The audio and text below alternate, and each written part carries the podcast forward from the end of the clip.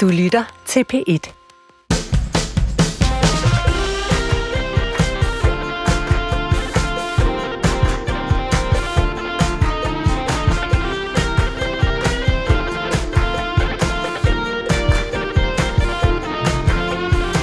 God formiddag og rigtig hjertelig velkommen til programmet Ugen Forfra.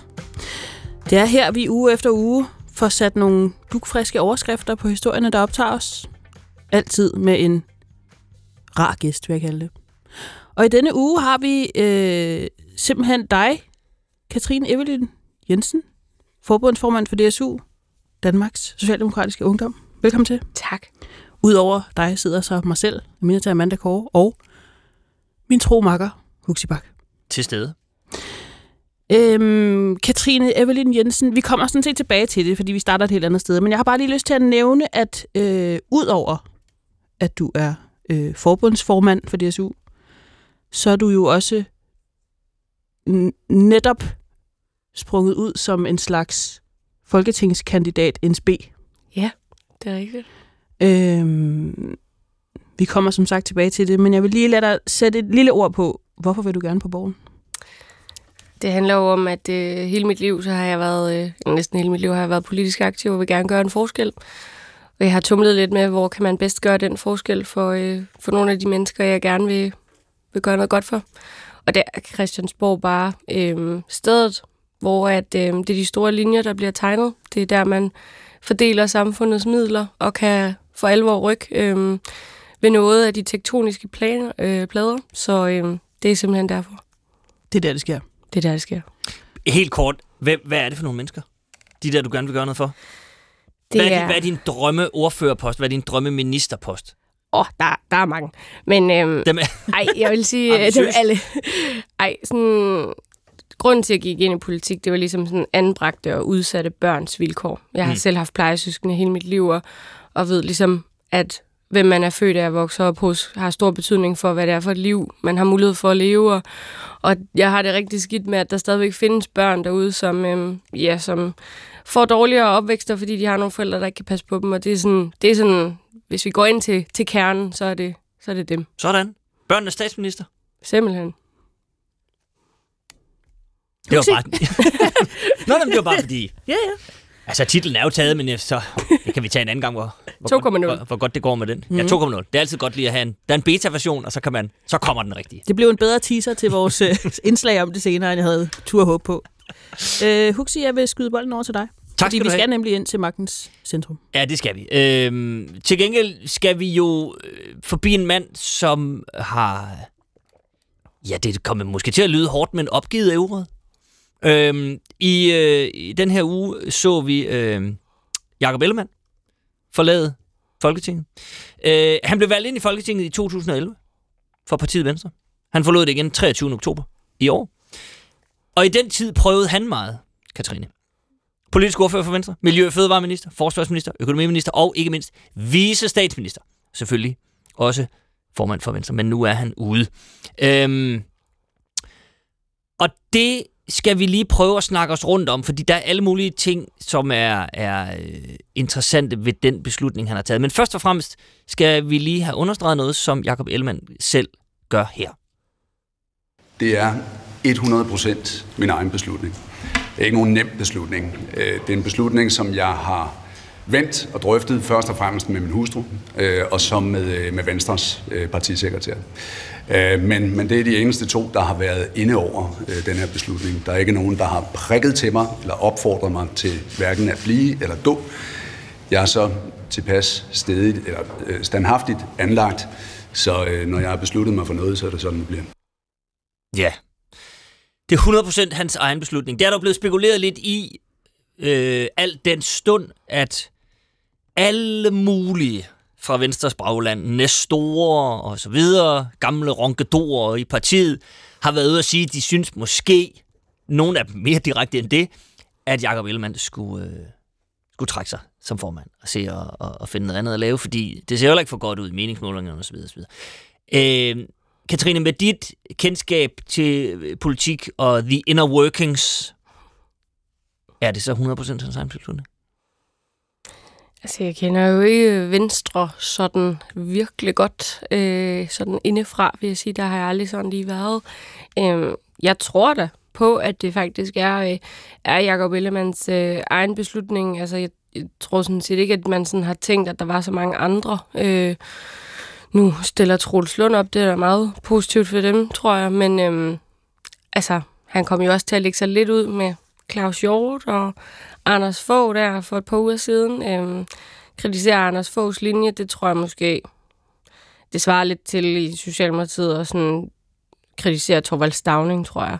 Øhm, så så det, det kommer man så nok får man ikke til altså Dan. Jørgensen på nakken, kan jeg sige. Så kommer han med den bog, han har skrevet om Downing, og så bliver der kaos for nu. af. der kaos. Ja.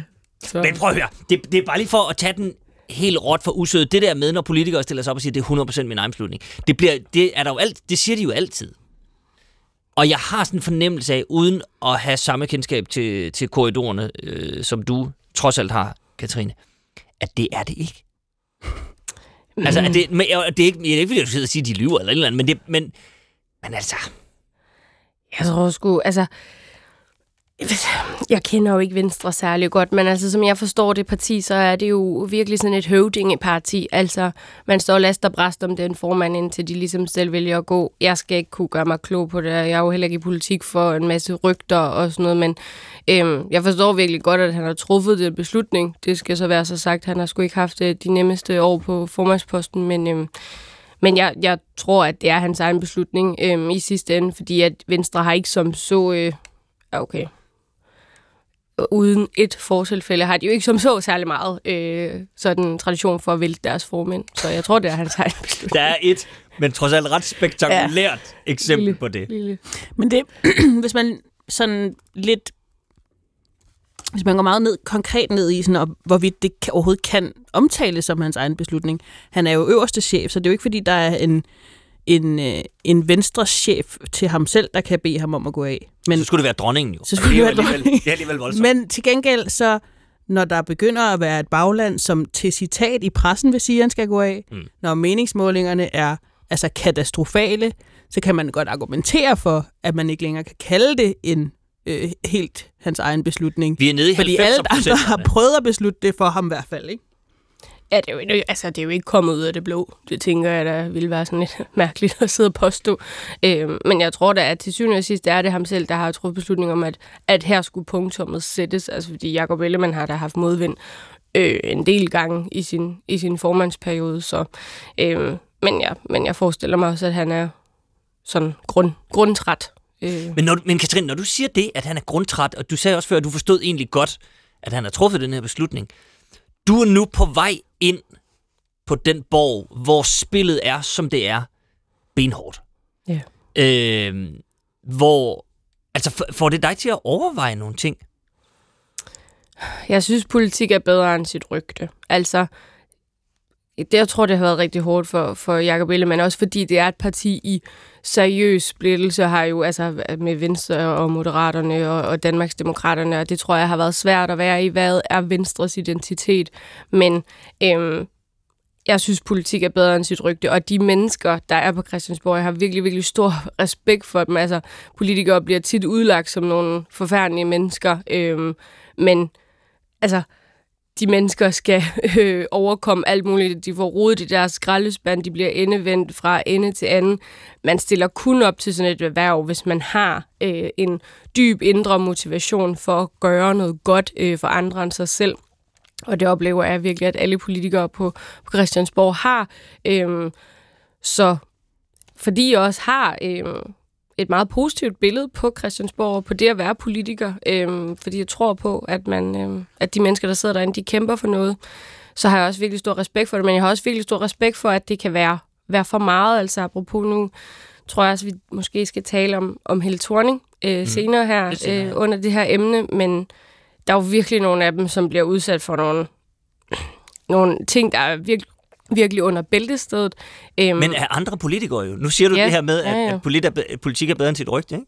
politik er bedre end sit rygte, men der er helt sikkert også øhm, en virkelighed, hvor at øh, politikere, selv nogle politikere, spindokter, særlige rådgiver, medierne, øh, det bliver jo meget sensationspræget også med sådan øh, de seneste års øh, fremkomst med news og sociale medier. Ting går hurtigere og hurtigere, kan man i hvert fald før i tiden, kunne man plante nogle ting imod nogle andre, så var det, så var det galt. Jeg synes faktisk, at politik var værre for sådan noget. Altså, da jeg, da jeg blev politisk aktiv i 2011 og frem med øh, nogle af de sager, Lars Lykke har haft, og Held Thorning og mange andre, altså nogle ting, der er blevet skrevet om i medierne og andet. Jeg synes, politik faktisk er blevet kønnere.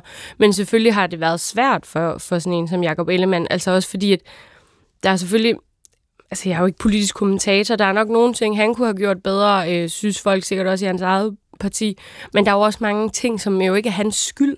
Altså det er jo ikke hans skyld, at, øh, at Lars Lykke øh, brød ud af det parti. Det er jo ikke hans skyld, at Inger Støjberg begik øh, den ulovlighed, hun, hun gjorde, og retmæssigt skulle dømmes for.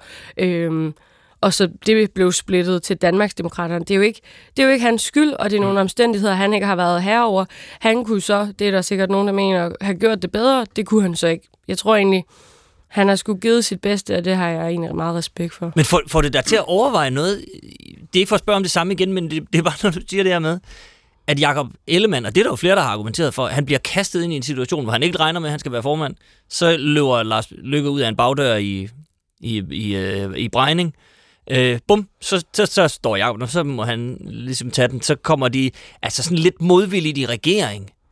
Øh, altså, der er en masse modvilje, så er han nødt til at vælge øh, Inger Støjberg som, som sin næstformand. Det har han ikke rigtig lyst til, men det er han bare nødt til, fordi sådan er strømningerne i partiet, så går det også i gang. Det er sådan, når du selv siger det her med, at det er alle mulige faktorer, som han ikke er herre over, som i sidste ende øh, ender med at fælde ham. Tænker du så, det er lige mig. Det spil skal, skal jeg ind og være med i. Nej, det, øh, jeg skal ikke på Christiansborg for at være en del af det spil, og øhm, det kan være, at jeg stadigvæk har sådan en ungdommens naivitet over mig, at, øhm, at jeg stiller op øh, på Christiansborg, fordi jeg har nogle holdninger om, hvordan vi kan skabe et bedre samfund, og jeg oplever jo heldigvis, øh, jeg er jo ikke medlem af Venstre, jeg er jo medlem af Socialdemokratiet, og jeg oplever, at jeg er medlem af et parti, hvor der er virkelig stor harmoni, og hvor at, øh, at der er sindssygt meget plads til at kæmpe for det, man tror på. Og øh, det er sådan det, jeg glæder mig til. Selvfølgelig, altså, kommer man i toppolitik, så er det nogle helt andre øh, vilkår, der er desværre på godt og på ondt, men, øh, men jeg oplever de mennesker, der er på Christiansborg, som sindssygt motiveret og dedikeret for at skabe et bedre land, og det vil jeg gerne være en del af. Okay. Men hvis du, når du, når du ser sådan en, øh, jeg ved ikke om du så øh, pressemødet mm-hmm. med Elman, ja. Når du så ser den her øh, følelsesladede mand mm.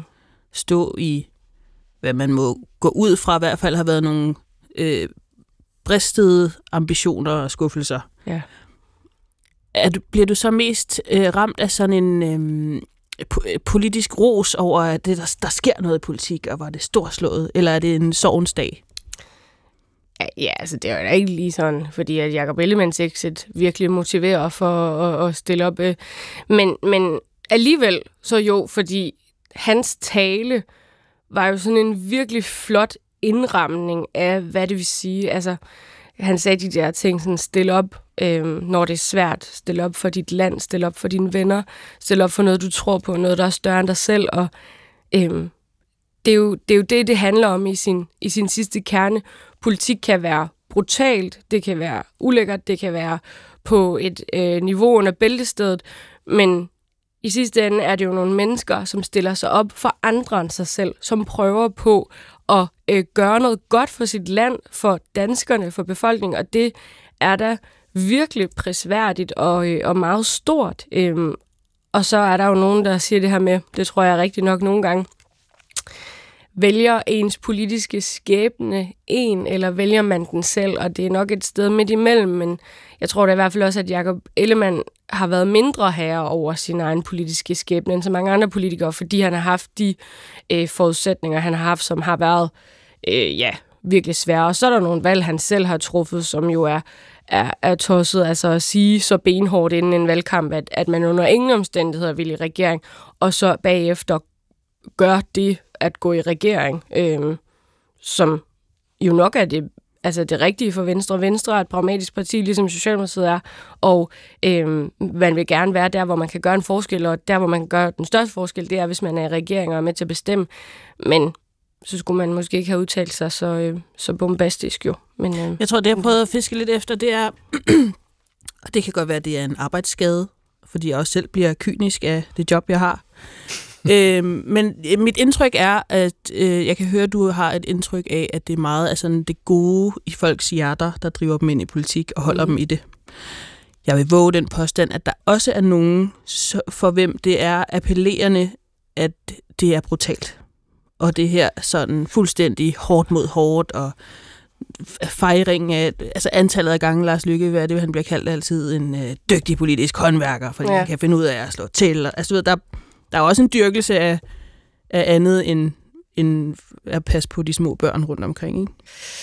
Jo, det, øhm, det kan du godt have ret i. Altså, men det er måske også, altså, jeg, ja, det er måske også, jeg kommer bare fra os øh, DSU, altså i modsætning til nogle af de andre ungdomsorganisationer, som måske også mere dyrker det, som du siger, der altså har fløje og er meget sådan stiller op imod hinanden hele tiden, og er meget sådan, kan godt være meget konfrontatoriske indenfra, og, og jeg kommer, synes jeg selv, fra en, en organisation, hvor der er rigtig meget harmoni, og hvor man øh, ikke har fløje, hvor man kalder til samlinger, hvor der ligesom er noget, der er større end en selv, og, og det taler vi meget om at være drevet af den del, så jeg, det er jo ikke, altså selvfølgelig er politik barsk, og der er, sidder nok også nogen på Christiansborg, som er drevet øh, af nogle andre ting, men jeg kan bare alligevel ikke, altså sådan, politikere i forhold til, hvor de måske kunne gå ud og få nogle andre jobs, de får øh, meget lavere løn, end hvis de var ude i det private erhvervsliv et eller andet sted i en eller anden chefstilling. Det venter på dem De får- bagefter. Ja, måske. Nogle af dem.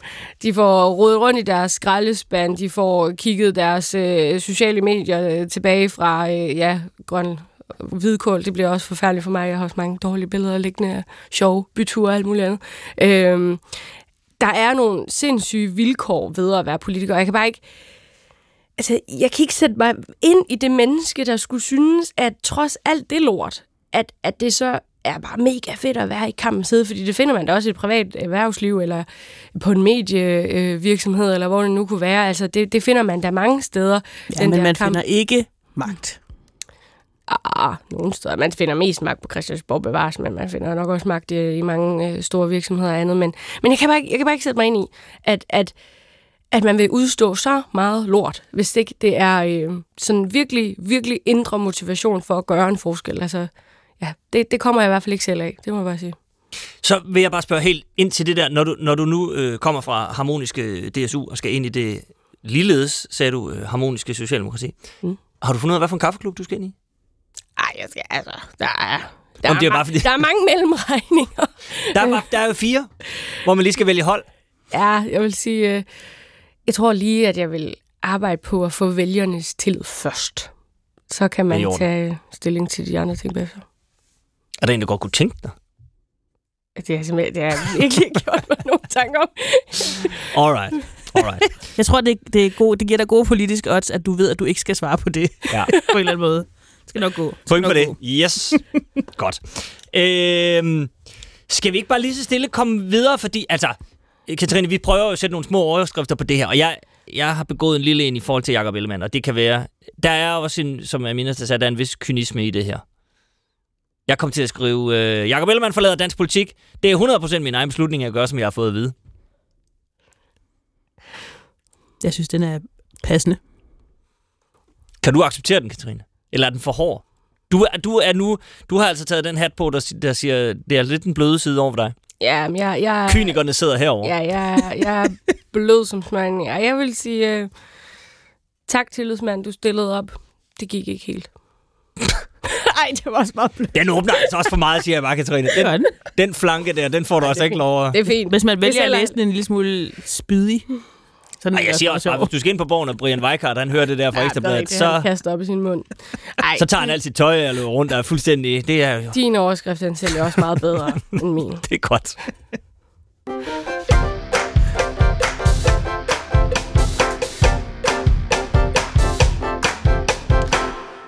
Men vi skal også lige runde øh, partiet Venstre. Og jeg øh, er med på, at du ikke... Det har du nævnt flere gange, du er ikke medlem af Venstre. Øh, men lad os alligevel bare lige stille spørgsmålet, Venstre, hvad nu? Der har været øh, modgang lige siden Jakob Ellemann tog den noget kontroversielle beslutning at gå i regering, til trods for, at han mange gange øh, utvetydigt, absolut og 100% sikkert havde sagt, at det skulle han ikke. Og det skulle Venstre ikke. Nu er de der så. Øh, og nu er han så ude igen. Trulsund Poulsen bliver efter alt at dømme formand her i, øh, jeg tror det er 18. november, der er, øh, der er landsmøde. Øh, hvad siger du i sådan... Altså, når han gør det, så er han jo også automatisk statsministerkandidat. Sådan er det, når man er formand for Venstre. Og jeg ved godt, han har sagt, det er han ikke lige nu, og partiet har den størrelse, men sagen er jo bare, Venstre er et regeringsbærende parti. Hvis du er formand for Venstre, så er du også de facto statsministerkandidat. Hvad ser du i en, uh, i en statsminister, Troels Poulsen? ja, jeg, jeg ønsker mig jo øh, ikke en venstremand som, som statsminister. Så øh, altså, hvis han bliver statsministerkandidat, så kommer jeg jo til at, øh, at kæmpe mod ham med den statsministerkandidat for Socialdemokratiet, der jo forhåbentlig også stadigvæk hedder Mette Frederiksen på det tidspunkt. Så, øh, Men ser du et godt kort i Troels Lund Poulsen i forhold til, at han jo øh, bliver en tredjedel af den regering, hvor din formand er statsminister? Han bliver nu visestatsminister. Ja, det, det, er jo, det er jo sådan lidt en mærkelig ting for en DSU at, sådan at skulle sidde og tale, øh, tale om øh, venstre medlemmer på den her måde. Altså, jeg, jeg synes ikke, jeg kender så meget til, til Troels Lund. Altså, øh, han er jo ikke sådan en virkelig bemærkelsesværdig type. Jeg synes, han, er, jeg synes, han har sådan et... Øh, det er korrekt. Han har sådan noget tysk tysk politiker over sig. Tysk? Jamen, sådan meget sådan... Øh, i ordets bedste forstand kedelig øh, og, ja. og, og kompetent, øh, tror jeg øh, ja. også, jeg synes. At, altså sådan teknokrat? Altså, ja, men sådan meget sådan, øh, øh, altid lidt, øh, lidt, lidt stiv i det. Øh, jeg, ja. jeg, altså, måske er han sjov at drikke en øl med, men han er ikke sådan på min liste over top 5 politikere, jeg umiddelbart synes, at jeg gerne vil ud og drikke en øl med. Men det er jo ikke det samme som, at han ikke er en dygtig politiker. Det tror jeg sådan set, at han er for sit parti. Øh, og vi ved jo alle sammen, at i politik betyder identitet virkelig meget. Øhm, det er jo en stor identitet for mig, den politiske fortælling, jeg har med, med, med de udsatte børn og alt muligt andet. Øhm, for ham er det jo en stor identitet at være vokset op i sådan den jyske muld, og være traktortrols, og ligesom være fritidslandmand, og, og de der ting. Og det, det betyder mega meget. Altså, det betyder også mega meget for de socialdemokratiske vælgere, at, at Mette er en, en gæv Aalborg-pige fra et arbejderklasse hjem, og ligesom bære det med sig. Øh, så det tror jeg da også kommer til at betyde mega meget for ham som formand for Venstre. Okay. Øh, men tror du, det kommer til at gøre en forskel, at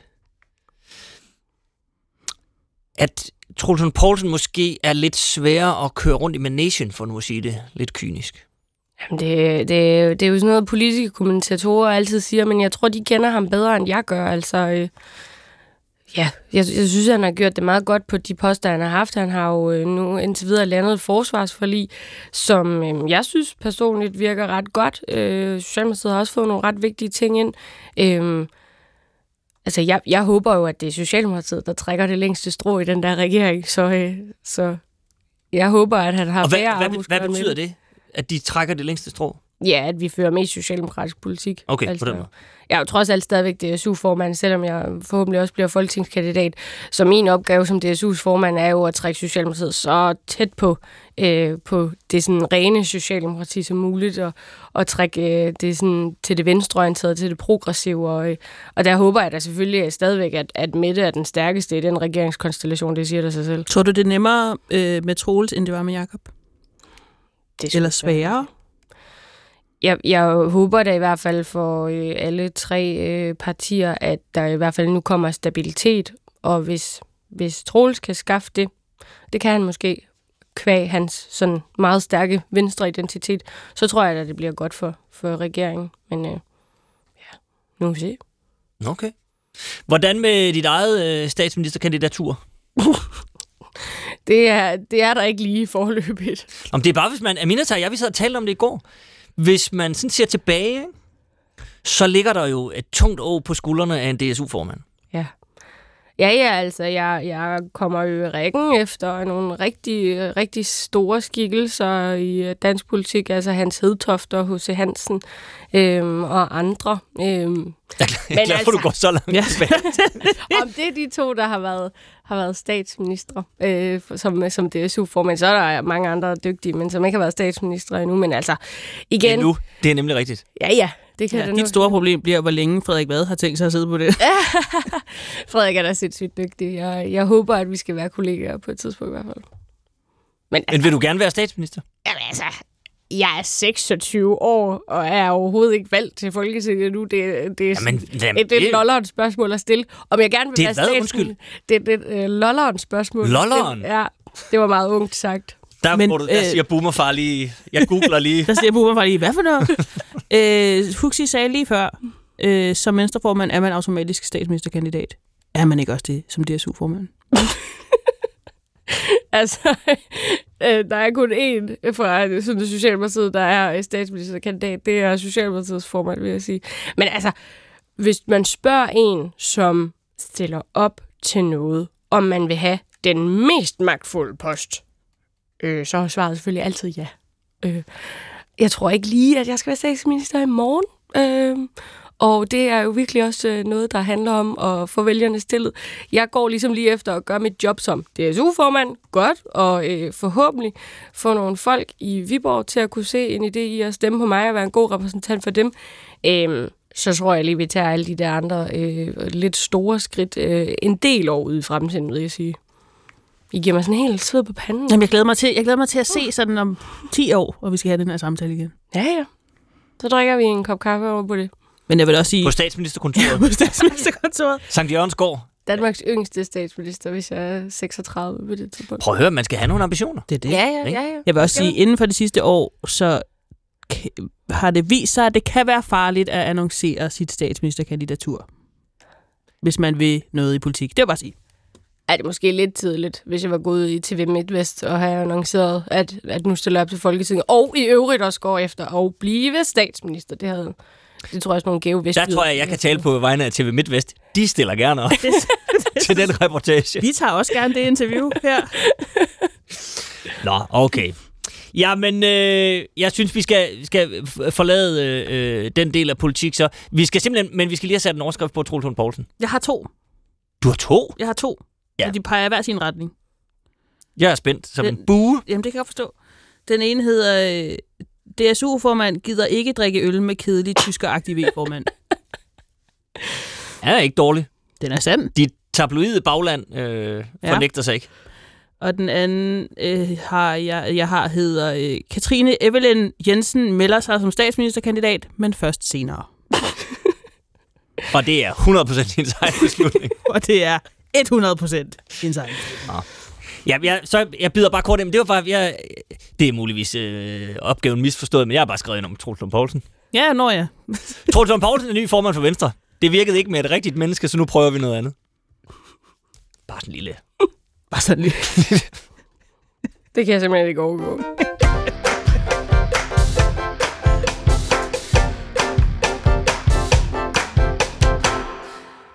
Katrine, nu skal vi til gengæld til den historie, som du selv lige strejfede lidt tidligere øh, med forhåndværende statsminister Helle Thorning. Øh, det er en lidt kompliceret sag. Jeg vil prøve at, at rise den kort op lige om lidt. Men den hidrører jo Troels Lund Poulsen, som nu er blevet formand for Venstre og, og rykket op i hierarkiet i regeringen. Og det har simpelthen fået Helle thorning Schmidt ud af øh, musehullet, hvor hun åbenbart har siddet og holdt inde med noget i 12 år. Øh, torsdag lægger hun et klip på sin Instagram-profil, som lyder sådan her. Jeg synes, der kan stilles store spørgsmålstegn ved, om Troels Poulsen er en hederlig person. Det var ham, der havde vagten, da en af de største administrative politiske skandaler skete i Danmark. Øh, der blev vist meget stor interesse for min pri- private skattesag, og vi ved også, at Troels Lund Poulsen brød sin tavshedspligt, da han til forskellige personer udbredte sig om falske rygter om mig. Det har han aldrig nogensinde beklaget, hverken over for Folketinget, Socialdemokratiet eller mig selv. Øh, han har aldrig påtaget sig et rigtigt ansvar, og han har aldrig påtaget sig at søge sandheden om, hvad der egentlig skete i den her sag. Ja, det er jo ret... Øh, det var sådan, det er sådan lidt besynderlig sag, der pludselig dukker op efter, efter øh, 12-13 år, at Held Thorning nu forlanger en undskyldning. Og vi skal vente lige om lidt, om du synes, Katrine, øh, at Troels Poulsen skal rykke ud med den undskyldning. Men bare lige for, at alle er med. Det er en relativt kompleks sag, det her. Ja. Så jeg vil den... meget gerne have den øh, genfortalt, fordi, som jeg forklarede Huxi i går, så mener jeg, at jeg gik i 3.G, da det her udspillede sig, så jeg husker det overhovedet ikke, fordi jeg har været så optaget af mig selv i den periode. så det, jeg, ja. jeg, jeg, det er helt nyt for mig, meget af det her. Jeg kan huske, at jeg på det tidspunkt lavede, øh, lavede radio, øh, og gik meget op i den sag, fordi jeg skal sandelig love for, der var mange øh, øh, festlige detaljer. Jeg kommer til at udlade nogle detaljer, fordi der, der er meget her, men bare lige sådan på nogenlunde kort form. Så handler det om, at der i 2010 opstår tvivl om, hvorvidt Helle Thornings mand, som er englænder, Stephen Kinnock, har snydt i skat. Det er noget med, hvor meget han har øh, opholdt sig i udlandet i forhold til, om han skal betale skat i Danmark eller ej. Der er nogle regler omkring det. Øh, for at få styr på det, så hører Helle Thorning og Steven Kinnock en revisor, der hedder Frode Holm. Han skal vise sig at være en farverig mand. Øh, undervejs i sagen ønsker Skat København, at de to øh, møder op hos Skat for at forklare deres sag. Det ønsker de ikke af en eller anden årsag, som man aldrig rigtig finder ud af. Så tager sagen et bizart sving. Her skal I lige holde på øh, hatterbriller. Fordi Frode Holm er til møde i Skat København, og de spørger, hvorfor Helle Thorning og Steven Kinnock ikke vil møde op. Og så siger øh, Frode Holm, og det er et citat det her.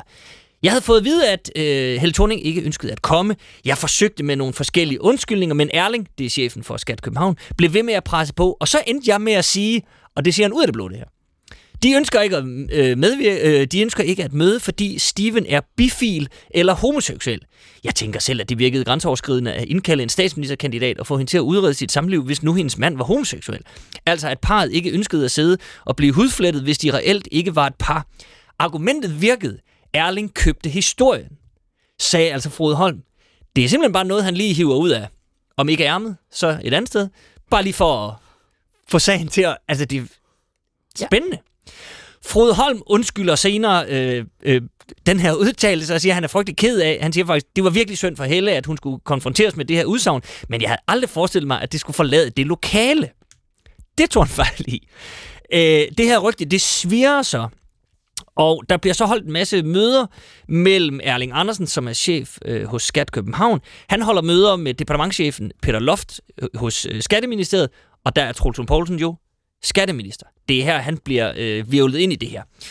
Departementchefen går videre med rygtet om Stephen Kinnocks homoseksualitet til øh, Trulsund Poulsen. Trulsund Poulsen fortæller det til sin spindoktor Peter Arnfeldt øh, og øh, øh, hvad hedder det, en anden øh, direktør i Skat København, Lisbeth Rasmussen, og en produktionsdirektør i Skatteministeriet, som hedder Steffen Norman Hansen, får også det her at vide, og den efterfølgende skatteminister Peter Christensen, også venstremand, får også kendskab til det her. Altså, det virvler rundt. Øh, som rygter jo gør. Som rygter jo gør. Og så kører bussen ellers. Så går der lidt tid, hvor det egentlig sådan cirkulerer inde hos Skat og i Skatteministeriet, men kommer ikke rigtig ud. Øh, så kommer der en afgørelse. Steven Kinnock ender med at møde op hos øh, Skat i 2010, og det viser sig, at han er ikke skattepligtig. Der er ikke noget, der er ikke fugls føde på den øh, sag. Men så går der et år, 2011, der er nu valgkamp i Danmark. Øh, BT får fat i de dokumenter, øh, som beskriver Frode Holms udsagn. Der er blevet taget et notat til det her møde. Og så skal jeg da ellers lov for, så kører bussen jo med alle mulige rygter i øh, BT og sager og det ene og det andet. Der bliver så nedsat en skattesagskommission, som skal undersøge, om Troels Lund Poulsen har prøvet at påvirke den her sag, eftersom han kendte til det osv. osv., osv. Peter Loft, som er departementchef hos Skat, ryger på den her sag. Øhm, de konkluderer også i Skattesagskommissionen, at Troels Poulsen ikke har forsøgt at blande sig i sagen. Han har ikke prøvet at få omgjort nogen øh, sager omkring Steven Kinnock. Men de siger også, at han har brudt sin tavshedspligt i, i forbindelse med at videregive de her rygter. Det skulle han ikke have gjort. Der er ingen, der ved, hvem der lægger dokumenterne til BT. Men, og det er en ikke uvæsentlig detalje, synes jeg, øh, under kommissionsafhøringerne er der en journalist fra Ekstrabladet, der vidner til kommissionen, at Troels Poulsens spindoktor Peter Arnfeldt har tilbudt ham de her dokumenter. Og lækagen af de her dokumenter sker præcis en uge før valgdagen i 2011. Således sagen kort. Jamen, der er meget, der skal med. Jeg har lyst til at klappe. Det er meget det, det er bare... det er en voldsom sag, men det var, det var virkelig det var dejligt at, at genbesøge den på en eller anden måde, for der, mm. der er utrolig meget her. Godt. Nu står vi så der. Katrine, du skal få lov at sige noget om to sekunder. Vi skal bare lige have det hele med. Ja. Øh, Helle Thorning vil have en undskyldning. Og nu skal vi så lige høre, hvad Troels Lund Poulsen siger. Troels, du siger jo, det er valgt, fordi øh, humorrygter, du spredte med Helle Thornings mand, der nu var skatteminister. Altså den sag, der er over, tror jeg, 10 år gammel, har jo været øh, grundigt undersøgt i en undersøgelseskommission. Alle de her ting har været indevendt, og det er jo så også en undersøgelseskommission, øh, der har frikendt mig, og derfor har jeg sådan set ikke behov for at gå videre i den sag. Du kan da bare sige undskyld, det har du aldrig sagt. Det, som jeg har sagt gentagende gange, det vil man kunne genfinde øh, i øh, Skattesagskommissionen. Og, og det, jeg har sagt der, det er, hvordan og hvorledes jeg så den sag. Og det, som jeg også synes er vigtigt, det er, at øh, man nu kigger fremad. Jeg har ikke brug for at stå og tale om en 12 år gammel sag.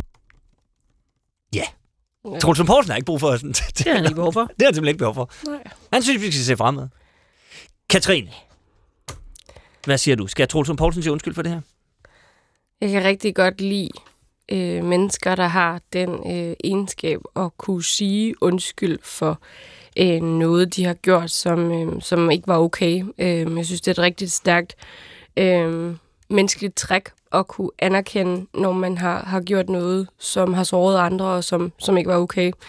Det synes jeg generelt i livet. Øh, og derfor så synes jeg selvfølgelig også, at det havde udvist noget karisma fra Troels Lund, hvis han på det der pressemøde der bare havde sagt, ja, det er sgu 10 år siden, men helt ærligt, så, øh, så tror jeg, at jeg skylder Helle en kæmpe undskyldning for øhm, at have spredt et rygte om, at hendes mand var homoseksuel. Det var en mærkelig sag, og det var ikke min mening. Hvis det ikke var hans mening, så kan man sige det. Og jeg er mega ked af den smerte, som det har påført hende dengang. Det synes jeg har været hvorfor, stærkt. hvorfor gør man som politiker ikke det? Det er, jeg kan ikke lige på stående fod komme i tanke om en politiker, fra hvem jeg har hørt ordet undskyld. Jamen, det har jeg sådan set heller aldrig forstået. Altså, øh, jeg synes, politikere er blevet bedre til det her de senere år, og ligesom også, altså, det er så selvfølgelig lidt noget andet, men, men regeringen har jo sagt sådan officielt undskyld øh, to gange nu til godhavsdrengene og til, øh, til, til de øh, folk fra Grønland, som har blevet udsat for nogle ret skrækkelige ting der. Og, øh, og det har de jo også fået meget kritik for, fordi så, så kan der være erstatning og alt muligt andet, men sådan helt oprigtigt at stille sig op og sige undskyld for noget, som ikke var okay, det er så på vegne af nogle andre, ikke? det ved jeg godt, men øh, jeg tror på, at vi i fremtiden kommer til at se ledere generelt, som altså vi kommer til at stille nogle krav til dem om også at vise menneskelige sider, vise empati, vise refleksion, ikke mindst. Jeg synes, man bliver et større menneske af at kunne vise den sårbarhed og, øh, og sige det. Øhm, Men falder de her, for eksempel Godhavnsundskyldningen, altså den juridisk øh, vandtætte undskyldning, har den egentlig værdi? Altså, jeg tror ikke, at, øh, at Det kommer jo først, når man har øh, sikret sig, at, der ikke, at man ikke skal til at punge ud, og når man har sikret sig... Jeg tror, der er i gang med at finde ud af, om, om man kan gøre det, øh, altså få penge efter, jeg tror også, der er nogle af dem, der har fået penge efter, efter den undskyldning, øh, fordi det var i hvert fald ikke regeringens intention, eller Mettes intention, at de ikke skulle kunne øh, søge de penge. Det er jo noget af det, hun har fået meget kritik for, fordi at, øh, ja, der er andre, der ikke ville åbne for den sluse, men det var hun ret ligeglad med. Øh, men, men nej, altså jeg synes, at han skulle give hende den undskyldning. Jeg synes, at Helle Thorning er nok den politiker, som øh, har udstået allermest sådan lort som politiker. Altså en ting er det kritik, hun har fået for den politik, den regering førte, som jeg heller ikke var enig i, og som var fair. Noget andet var alt det, hun skulle stå model til, altså hendes tøjsmag, og var hun for stram i betrækket, og så var hun det ene, og så var det andet hendes frisyr og hendes taske, og så det der med hendes mand, og var han ikke homoseksuel, og levede de ikke et lidt mærkeligt parforhold, og altså så meget lort øh, fra den ene og den anden ende, og øh, det forstår jeg virkelig godt, hvis det er taget på helle, og jeg synes, at man, øh, dem, der har bidraget til det i, øh, i retroperspektiv, skulle give hende en undskyldning. Det havde jo heller ikke behøvet at være officielt, hvis Troels Lund havde mødt hende på gangen på et eller andet tidspunkt inden for de sidste år, og havde trukket hende til side og havde sagt, prøv at høre Helle, det, det er jeg sgu virkelig ked af, at, at jeg var med til det. det. Det var ikke okay. Det havde da vist ekstrem format af ham. Mm. Tror du, øh, nogle socialdemokrater har sagt det, du har sagt nu? Det ved jeg ikke. Jeg tror, at vi er en del af sure, der har sagt det. Jeg tror, jeg tror Men ikke, tror, at men det... tror du, nogen af dem inde på borgen har levet op til den, det, du sagde, krav om menneskelighed? som du efterlyser nu? Jeg tror ikke, der er nogen af dem, der har kommenteret på, om han skulle give den undskyldning. Ah, der er et par stykker. Nå, Okay. okay. Vil du høre en? Øh, ja. Du kan lige høre Jeppe Brugs, ham fangede øh, radioavisen lige ganske kort i går. Jeppe Brugs, han Jeppe sagde sådan her. Jeppe Brugs, mener du, at Truls Lund Poulsen skylder Socialdemokratiet en undskyldning for skattesagen? Det vil jeg slet ikke øh, kommentere på på den måde der. Lød altså det korte svar. Altså, men det er jo... jeg ved ikke, om jeg synes, Troels Lund skylder Socialdemokratiet en, en undskyldning. Øh, og en ting er den der skattesag, det forstår jeg mig ikke så meget på, så vidt jeg ved, at han blev frikendt. Men, Ja, men den han. smerte, som Troels Lund ved at videregive nogle rygter om, om Helle Thornings privatliv, synes jeg da, at han menneskeligt skylder hende en Ja, undskyldning. for. ja. Tror du, Jeppe Brugs mener det på samme måde, som du siger der? At det er fordi, han kan ikke... Det, det er ikke Socialdemokratiet, der skal have en undskyldning. Det er Helle, det er Helle Det Thorning, ved jeg virkelig der ikke. skal have en... Tror du, nogen socialdemokrater her i den kommende uge så vil sige, det synes de faktisk også? Nej. Hvorfor? Hvorfor ikke?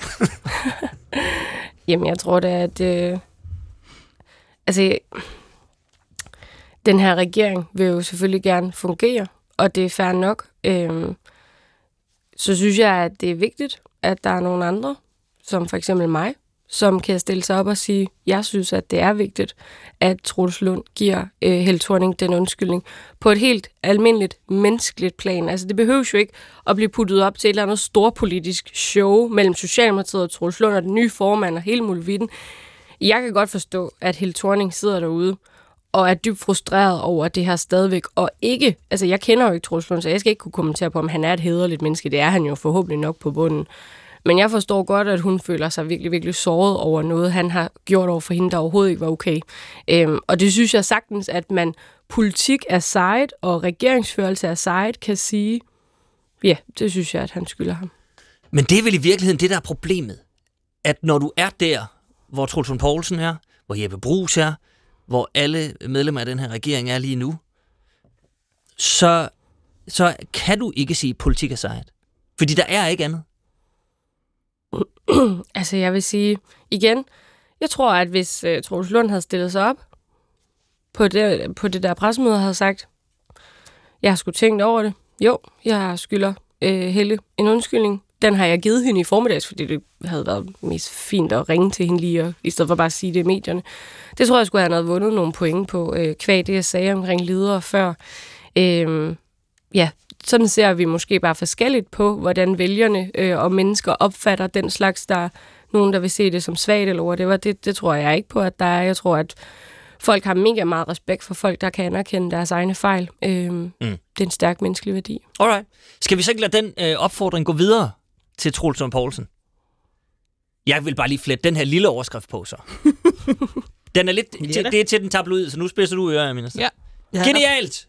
Mor, der vinder retssag ved at insistere på kun at se fremad. Jeg synes, den er god. Jeg er med på, at jeg strammer den ved at kalde ham morder. Der er noget altså, med- Det var bare lige for at, at skære det ud i pap. Jamen, det er rigtigt. Det er rigtigt. Man kan jo... Ja. Jeg, jeg er lidt fanget mellem, at jeg, at jeg på den ene side synes, jeg i virkeligheden har respekt for folk, der bærer ned i 12 år. Det, det, har jeg faktisk, det synes jeg er helt legitimt. Og men har det også...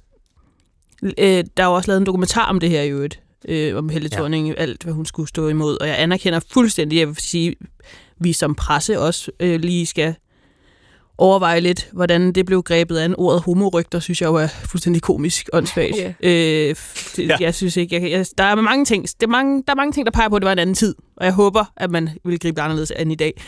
Øhm, men der, der er noget med den der offerfortælling med, hvor synd det var for Helle Thorning, som aldrig har gjort noget galt, som jeg har det svært med. Det er en meget lang overskrift. Ja, men det, det er derfor, jeg sidder. Du har valgt at skrive et Ja. essay i stedet for. Præcis. Fint. Jeg Jamen, føler øh, mange ting. Det vil være min overskrift.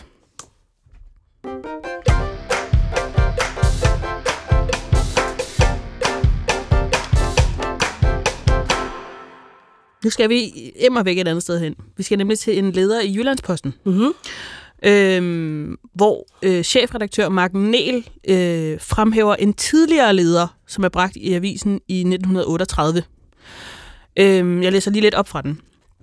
Øhm, altså den nu ja. Ja. Ja, okay. den nuværende leder. Den, den nuværende. Den nuværende leder ja. om den gamle leder.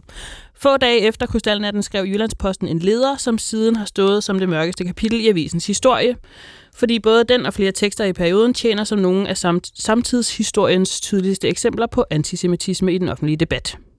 Og her et citat fra den gamle leder. Man må indrømme Tyskland, at det har at det har ret til at skille sig af med sine jøder, men til gengæld kan man stille det krav, at det sker på anstændig vis, skrev lederen og tilsluttede sig ideen om oprettelsen af en jødisk stat, så Europa kunne slippe for at huse dem. Og det er jo grove, grove løjer. Ja, det må... øhm, lederen fra 38 har altså fået den nuværende chefredaktør Mark Niel til at reagere på nogle nutidige reaktioner efter terrorangrebet i Israel 7. oktober. Og den informationskrig, der udspiller sig. Mm. Øhm, blandt andet om øhm, modsatrettede oplysninger om, hvem det var, der var ansvarlige for øh, øh, eksplosioner ved et hospital. Øhm, I den her leder fra denne uge øh, nævner Mark Niel en lille håndfuld offentlige personer ved navn, som hun kritiserer. Øhm, og en af dem er altså øh, landsholdsfodboldspiller Nadia Nadim, som Mark Niel kalder billedet på en offentlig debat i opløsning. Og så nævner hun også øh, professor og mellemøstforsker Sune Havbøl fra RUK. Først nævntes brøde er at have påstået på mediet X, at det var Israel, der stod bag angrebet på hospitalet i Gaza. Øh, og sidst nævnte, altså Sune Havbøl, nævner hun, for, fordi han har omtalt Israel, Israel som et apartheidstyre. Det er altså to Israel-kritiske ryster, kan man kalde det. Mm. Øhm, Magnel går så langt, så hun vil have DBU til at suspendere Nadia Nadim fra landsholdstruppen, og hun vil have RUK til at reagere øjeblikkeligt på Sune Havbøls udtalelser. Både RUK og DBU afviser at reagere med de her drastiske tiltag. Øhm, og Nadia Nadim siger selv sådan her om sit kontroversielle opslag på sociale medier. Og det jeg skrev, øh, nu ved jeg efterfølgende, der er kommet en masse andre artikler om, at øh, hvem der har gjort det, og de skylder skylden på hinanden. Og jeg er ikke ekspert på området, og jeg tror, jeg er lige så forvirret som rigtig mange andre mennesker, fordi det er ret svært at finde hovedet her i det. Men da jeg skrev det, jeg skrev, øh, det var realiteten. Og nummer to, øh, og sagens kerne er, at, jeg, at, at det, der sker, det er sindssygt. Jamen igen, jeg er jo ikke præsident eller noget, men jeg håber, at vi mm, os alle sammen kan være med til at gøre, at det her det stopper på en eller anden måde. Øh, fordi jeg synes, vi har et ansvar. Ja, Katrine Evelyn, hvad tænker du?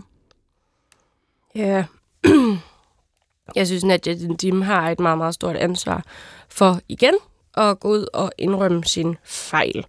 Øhm, i stedet for at, øh, ja, jeg synes faktisk, det er meget politikersvaragtigt også, det hun kommer med her, så kunne hun jo bare have sagt, øh, jeg synes, det er virkelig forfærdeligt, det der foregår i Israel og Palæstina, og jeg håber, at vi kan finde en, en måde at ende det her på. Det vil jeg gerne kalde til. Men jeg skal ikke være med til at sprede øh, forkerte oplysninger, som kan have store konsekvenser for mennesker. Det skulle jeg ikke have gjort. Jeg skulle have slået koldt vand i blod. Det beklager jeg virkelig, men jeg vil virkelig håbe, at vi snart kan få overstået den her konflikt.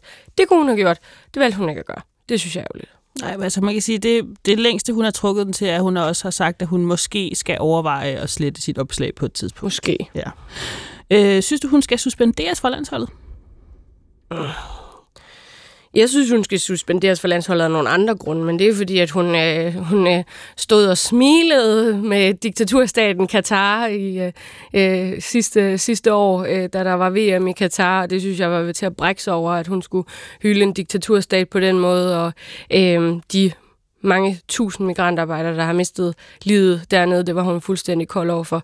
Så af de grunde synes jeg ikke, at hun er værdig til at spille på det danske landshold. Men, men øhm, jeg ved ikke, altså alle har jo ytringsfrihed som så. Jeg synes bare, er man en del af landsholdet, som rigtig mange mennesker ser op til med rette. Det er nogle store idoler. Det er nogle mennesker, som gør det godt.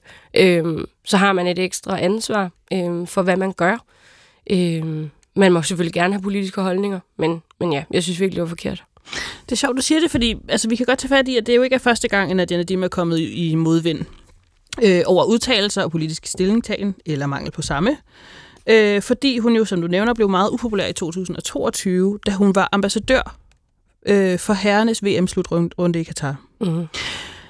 Hvad tænker du sådan generelt om sportsfolk, der blander sig i debatten? Fordi der var jo også enormt meget virak med, øh, øh, skulle de have et regnbuefarvet armbind på, og så skulle de ikke alligevel. Og så var Helle Thorning der apropos i en mm. regnbuefarvet jakke, som var en form for aktivisme, som nogen synes var skønt, og nogen synes, det var forfærdeligt. Og sådan. Altså, der, er- der er jo... Hvad, synes, synes du, man sådan skal adskille politik og sport, eller er det, er det, er det godt, vi har de her øh, politisk talende sportsudøvere? Jeg forstår godt de folk, der, der sådan synes, at man skal at skille de to ting ad, fordi kan vi ikke nu bare få lov til at se noget fodbold? Men det kan man ikke. Man kan ikke skille sport og politik på det her niveau, fordi der er så meget magt i det her. Der er milliardbeløb, der er store øh, platforme, også hvis de bliver brugt politisk, det, det gør Nadia Dym og nogle andre jo også, så synes jeg sagtens, at man kan stille dem til ansvar. Jeg tror, det er naivt at tro, at man bare kan skille de to ting ad, fordi sådan nogle fodboldspillere, som spiller på det her niveau, øh, har mega meget magt, så man kan ikke skille øh, sport og politik og derfor så må man gerne stille folk til ansvar for det, de gør. Øh, selvfølgelig synes jeg, at man skal vælges til vores landshold, fordi man er den bedste spiller. Men, men jeg synes også, at det er vigtigt, at vores landshold har øh, en politisk øh, øh stillingtagen øh, i nogle af de her sager, og jeg synes, det var, altså, jeg synes, det var til grin, at de ligesom var sådan, jamen, vi tager det der armbånd på, og det gør vi stærkt, og så, ej, det gør vi ikke lige alligevel, fordi så bliver vi et eller andet, der var et eller andet, så fik vi et Fordi rødt så kunne de kort. få gul, nej, gul, Gul kort, ja, ej, advarsel. Ikke, ikke engang rødt. ja, ej, seriøst, det synes jeg. Altså, der tabte jeg virkelig meget for landsholdet den dag. Og der er sikkert nogle andre derude, som synes, at det var helt på sin plads, fordi det handler om at spille bold. Men det, altså... hele Mellemøsten øh, og de diktaturstater, der er der, Katar, Saudi-Arabien, de poster penge i at få de der store øh, sportsbegivenheder til deres lande, netop for, at de også kan udøve indflydelse på verden på andre måder. Så vi kan ikke skille de to ting ad, og derfor så har vores landshold også bare en kæmpe stor øh, ansvar for at udbrede de danske værdier. Sportswashing, mener jeg, det hedder. Det er korrekt. Ja, det er rigtigt. Øhm, kan du se en, en, det, jeg vil kalde en øh, kønnet slagside i det? Fordi øh, Nadia Nadim blev som, som sagt øh, kritiseret voldsomt for at være ambassadør ved herrenes VM, som herrene jo deltog i, altså den, det danske herrelandshold. Og det vil jo til øh, tid og evighed stå i artikler om Nadia Nadim som sådan en øh, disclaimer, øh, at hun jo i øvrigt var inde ude i den her kontroversielle modvind, fordi hun øh, var ambassadør og bla bla bla, og noget med pigefodbold i Katar. Men det vil vel ikke stå ved alle de mandlige spillers mm. øh, Wikipedia-sider og øh, biografier fremover, at de spillede ved Katar. Altså der har vi en har vi nogle andre forventninger til kvinders fornuft og omsorgsgen, som rimer dårligt på diktaturstat?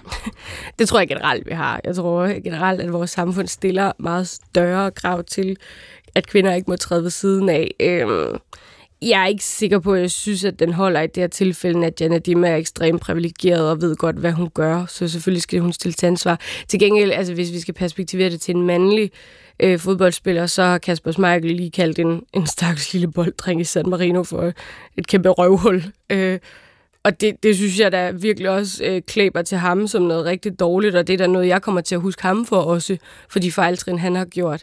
Øhm, og vi husker jo også stadigvæk, altså landsholdet har jo på ingen måde den samme opbakning, som det havde i EM øhm, i 2021, så jeg tror, at det klæber til dem alle sammen. Øhm, men det er jo, der, jeg synes, der er alligevel der er forskel på at vælge at møde op og spille, og så decideret gå ud og reklamere for diktaturstaten Katar, og sådan komme og besøge hernede, det er super fedt, det er ikke så galt, som de siger. Det er der lidt forskel på. Det er også bare, fordi jeg har en personlig kæphest, det vil jeg gerne indrømme. Øh, hvor jeg ser, at elite sportsmænd betragtes som sådan nogen, som skal øh, udøve deres sport. Og hvis vi forventer af dem, at de også kan tænke, så er vi lidt lede. Altså sådan, lad dem nu lige. Han skal spille fodbold, han skal ikke tænke på alt det der andet noget. Hvis de kan holde sig inden for lovens rammer, sådan generelt i livet, er det fint. Hvis de ikke Ellers kan, er det også okay. lidt Ja, præcis. Det, vi har, det, det tager vi ikke så tungt. Hvor kvinderne, det er jo sådan noget, så er de hjertekirurger og topjurister og mm. supermødre og sådan De skal ligesom hele vejen rundt være supermødre og, eller supermennesker og rollemodeller. Og vi kommer bare efter dem, hvis de ikke er det. Det tror jeg godt, du kan have ret i. Men igen, derfor vil jeg bare sige, Kasper Schmeichel, han har også mistet noget hos mig. Ja, det var fordi, jeg lige, jeg, uden at der er altid mulighed for lige at sige den pointe. Det vil jeg bare lige af med. Øh, jeg skal lige nå at spørge dig også, er det en chefredaktørs opgave at gøre sig til dommer over, hvem der må udtale sig offentligt? Det ved jeg ikke, om hun synes. Altså, jeg synes, at hun gør øh, den fremragende ledermarken. Hun skrev, jeg tror bare... Altså, hun kræver jo... Hun kræver, hun skal Hun suspenderes. kræver, at det, hun skal det suspenderes. kan hun jo ikke. Altså, det er jo, det er jo et indspark i en debat, og så kan hun kræve alt, hvad hun vil. Det er jo ikke, det er jo ikke noget, hun bestemmer. Men jeg, altså, som sagt, er jeg sådan set enig, mest af nogle andre grunde, men også af den her grund, til at Nadia Dim nok ikke hører hjemme som repræsentant for, for Danmarks øh, landshold. Men øh, altså, hun kan jo ikke kræve noget som helst. Øh. Men har man ikke også som sportsudøver ret til at sige noget dumt? Jo, hvis man så også kan erkende sin fejl bagefter. Jo, men prøv at høre, ytringsfriheden, som, som det her jo også kredser om, handler jo også om retten til at sige noget dumt. Mm. Altså, og det, og det er det, jeg synes er vildt ved den her leder, at man skriver, prøv at, vi kom til at sige noget, der var stærkt antisemitisk i 1938, tenderende til nazistisk. Det var jo ikke også, det var jo nogle andre mennesker. Det var jo ikke Mark Niel, der Nej, var i det var ikke live. Mark Niel, der var i- nazist i Der var nazist i 1938. 1938. Men det er som om, den der frygt er bare flyttet ind i hende, og hvis nogen andre siger noget som helst, så er de også antisemitter og nærmest nazister. Og derfor er der ikke nogen, der må sige noget. Altså, det, jeg synes, det er helt kuk. Men det, Nadia Nadim, hun, hun gør, det er, jo ikke, det er jo ikke fordi, at hun har en... Altså, det er jo ikke en holdning, hun udbreder. Det er jo et faktum, som ikke er rigtigt. Altså, hun er jo med til at øh, opbilde til den splittelse ved at dele, hvad vi i hvert fald indtil videre ved, og Joe Biden har ligesom også bekræftet det, er faktuelt forkert. Øh, og det, det synes jeg da ikke, man har ret til. Man har ikke ret til at udbrede usandheder. Nej, men hvis Jyllandsposten skal til at dissekere alle øh, opslag på øh, SoMe i forhold til, hvad, hvad vi sådan nogen... Og det er også det, der er jo ikke nogen, der 100% ved, hvad der er fuldstændig sket. Altså, hvis, hvis Jyllandsposten skal til at afgøre det, så er vi et skørt sted. Især en avis, der har tordnet så meget mod cancel culture, som de har gjort, og nu egentlig bare synes, det er fint nok, hvis vi selv... Alle skal fyres, er nu det nye take på Jeg har skrevet, et nyt, jeg har skrevet et nyt slogan til Jyllandsposten, den kan Mark Niel bare tage. Jyllandsposten, hvis du vil vide mere om, hvordan du tordner mod cancel culture, indtil du selv kan bruge den, så går du all in. Ja. Og den skal sige sådan. All in. Øh, jamen, jeg har lavet en, der hedder øh, chefredaktør, der vil fratage folk deres ytringsfrihed af billedet på en debat i opløsning. Den kunne jeg også godt lide. Nå, om 30 sekunder er der en øh, radiovis, og Katrine, så skal vi, øh, vi skal til ind- og udland, og, øh, og så skal vi finde ud af, hvor DSU adskiller sig fra den nuværende regering og, og, og det regeringsbærende Socialdemokrati. Fordi der er jo, jamen du god, der er jo koranlov, som er blevet øh, revideret her i går øh, fredag, og der er stor bededag og skat, der er hu, wow, wow, wow, wow. Der er alt muligt. Så øh, strap in, more to come, men øh, først en radio.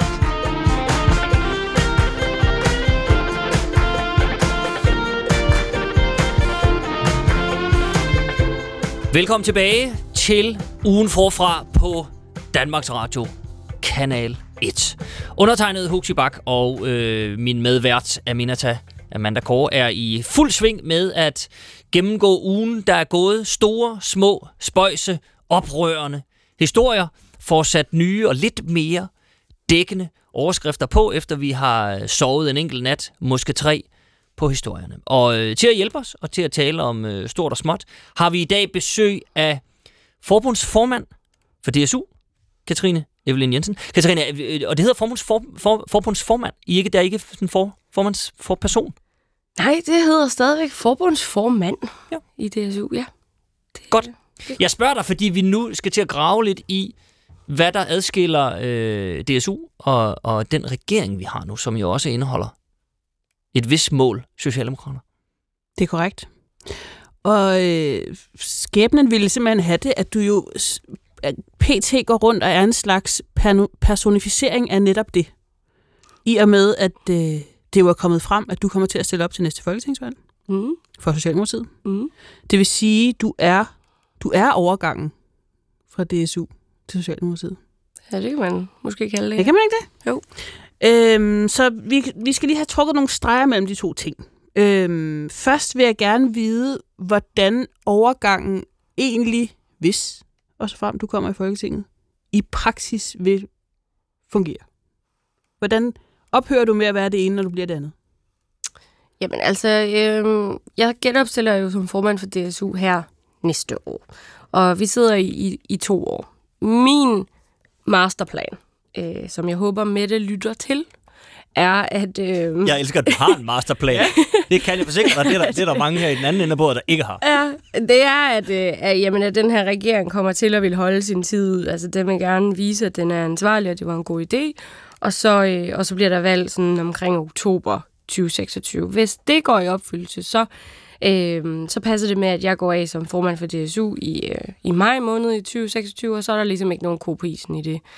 Selvfølgelig, hvis der kommer valg før det, og, øh, og jeg forhåbentlig bliver valgt til Folketinget, så skal man jo lidt finde ud af det, men det er jo lidt, det er ikke noget, som vi lige har prøvet før, så det er lidt sværere for mig at sige, men øh, det kommer måske også an på, om der er to år tilbage, eller halvandet år tilbage, eller et år tilbage, så, så det er lidt svært at sige. Men... Med fare for at skabe rav i DSU, må jeg spørge, om der er en grundbrøns eller en grundbrønsesse? Der det, sådan står det klar? tror jeg ikke, vi opererer med, nej. Tror du, der er nogen, der selv opererer med det op i deres hoveder i DSU? Selvfølgelig er der det. Opererede du med det, dengang Frederik Vad var, var den? Du kommer ikke til at tro på mig nu, når jeg siger det, men nej, det gør jeg faktisk ikke. Det er rigtigt, det tror vi faktisk ikke på. det tror jeg ikke på. øhm, nej, det var bare, jeg havde det, og det, det tror man jo aldrig på, det var så blev den, ikke? men jeg, jeg var faktisk, øhm, jamen jeg har aldrig, altså jeg havde egentlig aldrig troet, at jeg skulle være formand for DSU. Det var, jeg var lige blevet færdiguddannet som jurist og boede i, i Aarhus, og, og jeg, altså, jeg, jeg har altid gerne bare ville være med og gøre en forskel, og altså, det lyder sgu også så rosenrødt, og I tænker, I er sikkert at brække over det, men så blev jeg jo spurgt af Frederik øh, der, om, om, om jeg ikke ville stille op. Han synes, at, at jeg var det bedste bud, og så, øhm, så var det faktisk først, da jeg begyndte at tænke over det. Jeg havde egentlig troet, jeg skulle en anden vej, men øhm, selvfølgelig stiller man op, når der er nogen, der beder en om det. Apropos Jacob Ellemann. Modtaget. øhm, jeg synes, vi skal kaste os ud i det. Fordi, øh, eller jeg vil starte med et klip, mm. som du skal høre, mm.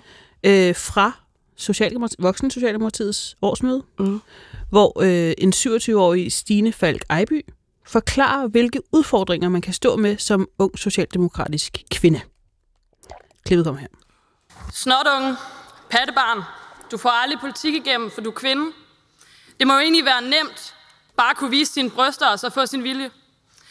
Når unge kvinder stiller op til et politisk værv, så er man efterhånden opdraget med, at sådan kommentarer de kan følge med vælgerne. Og de netop nævnte eksempler, de kommer også alle sammen fra unge, kvindelige DSU'ere, der er valgt landet over. Eksemplerne er desværre bare ikke fra manden på gaden eller kvinden på Facebook. De kommer fra nogle af os herinde. Fra byrådskollegaer, regionskollegaer eller fra tillidsvalgte ude i partiforeningerne. Jeg har selv oplevet, at en kollega, jeg var uenig med, ringede til min mor for at få hende til at skifte min mening. Det er simpelthen det mest nedladende, jeg nogensinde har prøvet, at nogen ringer til min mor. Jeg var 25 år gammel, og jeg har aldrig følt mig mere behandlet som et lille barn. Og det er simpelthen ikke i orden, at den her kultur har indfundet sig i vores parti. Ja, Katrine Evelyn Jensen, du sagde to gange i første time, lige efter hinanden, at øh, du oplever en stor harmoni i Socialdemokratiet. Og i ungdoms, ungdomssocialdemokratiet, skulle jeg kalde det. Kan du genkende de her problemer i partierne? Ja, øhm, så det kan jeg godt forstå, hvis det lyder lidt forkert. Lad mig forklare. Øhm, jeg oplever, når jeg siger, at jeg oplever harmoni i Socialdemokratiet, så oplever jeg en, en ret fælles politisk retning, og jeg oplever for, for mig selv, øh, at Folketingsgruppen, som er dem, jeg har mest med at gøre, ministerne, med det, nogle af de andre, at blive taget virkelig seriøst og blive behandlet rigtig godt. Øhm, men Socialdemokratiet er jo et meget, meget stort parti med rigtig mange øh, grene ude lokalt, og det er ikke nogen hemmelighed, at der også er øh, konflikter i Socialdemokratiet, men at der jo så også er, som Stine siger her, jeg synes, det var så godt, at hun stillede sig op på den talerstol, at der er problemer med, øh, vi kan både kalde det en, en grov tone. Vi kan også kalde det et, et ligestillingsproblem over for unge kvinder, som stiller op i politik. Vi kan kalde det mange forskellige ting. Øh, så, det, så det skal vi helt sikkert tage meget alvorligt. Og øh, ja, altså Stine, hun er min privat, min, min allerbedste veninde, så jeg synes, hun er, er mega sej for at gøre det, og jeg har bakket hende totalt meget op i det. Og jeg oplever så til gengæld også, igen, det er så der harmonien sådan lidt med at komme i hvert fald fra ledelsen i Socialdemokratiet, som jeg jo har rigtig meget med at gøre, at det bliver taget vildt alvorligt, og at de meget gerne vil tale med os om, hvordan vi kan gøre noget ved det. Øhm, så, så ja, det... Har du selv oplevet noget? Altså igen, jeg er faktisk der, hvor jeg har været, øh, blevet behandlet ekstremt godt, øh, og er blevet taget meget, meget alvorligt. Hvis jeg, hvis jeg, altså jeg har været aktiv i Socialdemokratiet i, i 12 år nu. Hvis jeg graver i min hukommelse, så kan jeg helt sikkert også finde nogle eksempler på, hvor jeg øh, er blevet taget mindre seriøst, fordi jeg har været en ung kvinde, eller whatever, men jeg har aldrig oplevet noget i den skala, som, som Stine og nogle af de andre kvinder har. Øh, nej, gudskelov. Er du blevet, er du blevet øh, be, be, tilstrækkeligt voksenpolitiker til ikke at blive kaldt øh, snotunge og pattebarn, som Stine her peger på, som eksempler? Det, øh, måske. Jeg, jeg i hvert fald, øh, jeg har aldrig oplevet det der, hvor jeg har været. Øh, men, men jeg har måske også bare været heldig jo. Altså, langt, langt, langt, langt de fleste socialdemokrater, eller så var man jo ikke i det her parti, er jo virkelig, virkelig gode og søde og rare. Vi kæmper for det samme og tager hinanden meget alvorligt. Der er desværre også bare nogen, som ja, enten er en gammel skole, eller bare øh, er øh, lidt mere, hvad kalder man det, har svære ved at omgås helt almindelig øh, omgangstone og ligesom opføre sig ordentligt. Øh, det findes selvfølgelig også, og det, det kommer måske at at sådan er man vant til, at man godt må tale i politik en gang, men det må man sgu ikke mere, og særligt ikke over for de unge kvinder, som har stillet sig op.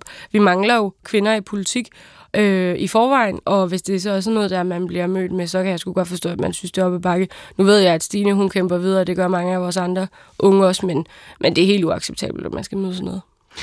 Øhm, nu, nu nævnte jeg jo før, at du skal til ligesom at gå fra ungdomspolitiker til voksenpolitiker. Du står i den socialdemokratiske konfirmation kan vi kalde det. øhm, og der er jo forskel på, hvad de to partigrene, mor og datter, mener øh, om verden. Mm. Øhm, så kan man, kommer man til at kunne betragte dig som en, en ung repræsentant i partiet, eller kommer du til at overtage de socialdemokratiske holdninger til alting? Nej, det gør jeg ikke. Altså, øh, jeg er først og fremmest formand for DSU, og øh, jeg er valgt til at, at repræsentere øh, de unge socialdemokrater, så, så jeg er ungdommens stemme i, øh, i Socialdemokratiet, og, og jeg kommer også til fremadrettet at stille mig op og sige, når DSU er uenig med Socialdemokratiet. Jeg kommer ikke til at være sådan en, øh, sådan en der bare øh, siger ej ej, øh, nu nu siger jeg bare, hvad, hvad Mette siger. Der skal være plads til uenighed i Socialdemokratiet, og der er DSU jo øh, et godt billede på, at man sagtens kan være sammen i en bevægelse og have det godt sammen, og være i harmoni, som jeg synes, at Socialdemokratiet og DSU er, men jo selvfølgelig også kan ryste klinger politisk, som vi gør, øh, fordi der er nogle ting ved den her regering, som vi bare ikke er enige i. Så øh, det kommer man også til at se fremadrettet. Dejligt. Jeg synes, vi skal dykke ned i nogle af eksemplerne. Øhm, helt dukfrisk har vi jo mm-hmm. en en øh, blasfemilov 2.0, uh. koranlov. Øhm, den, der er kommet nogle nye præciseringer lige her på faldrebet. Den bliver en lille smule anderledes, end, den først, end der først var lagt, var lagt op til i det, som er blevet kritiseret øh, for, at, at, have, at regeringen selv har kaldt det en nålestiksoperation, fordi det blev lidt eksplosivt. Lidt skovlformet Ja, en skov, meget skovlet, skovlet nål. Sig det sådan. Ja, det man godt kalde det. Ja. Øhm, det bliver, bliver, det bliver præciseret, præciseret til, at det ikke er religiøse genstande, men det bliver nogle religiøse skrifter. Og der kommer til ligesom at være, det bliver en mindre skovl, så at sige. ja. øhm, men Katrine Evelyn Jensen, du har jo simpelthen begået et debatindlæg i børsen om den her lov. Mm øh, hvor du på det kraftigste tager afstand til øh, planerne om loven, og stiller dig på ytringsfrihedens side. Mm. Jeg vil lige læse lidt op fra det. Mm. Øh, du skriver sådan her. Regeringens svar er at bøje sig for voldsmændenes krav, indskrænke danskernes frihedsrettigheder og ovenikøbet undskylde til lande, der til, tagligt, til dagligt beordrer tortur og henrettelse af kvinder og LGBT-personer. At regeringen lader religiøse ømme følelser trumfe demokratiske frihedsrettigheder er et stort knæfald, øh, og det gør det for at få ro på. Og de gør det for at få ro på, øh, for at sikre Danmarks sikkerhed og handelsinteresser. Men princippet om ytringsfrihed er princip løst, hvis ikke det må koste noget. Og det er at skyde blå i øjnene på befolkningen, hvis politikerne siger, at det vil stoppe her, for det gør det ikke. Mener du stadig det? Ja, det gør jeg.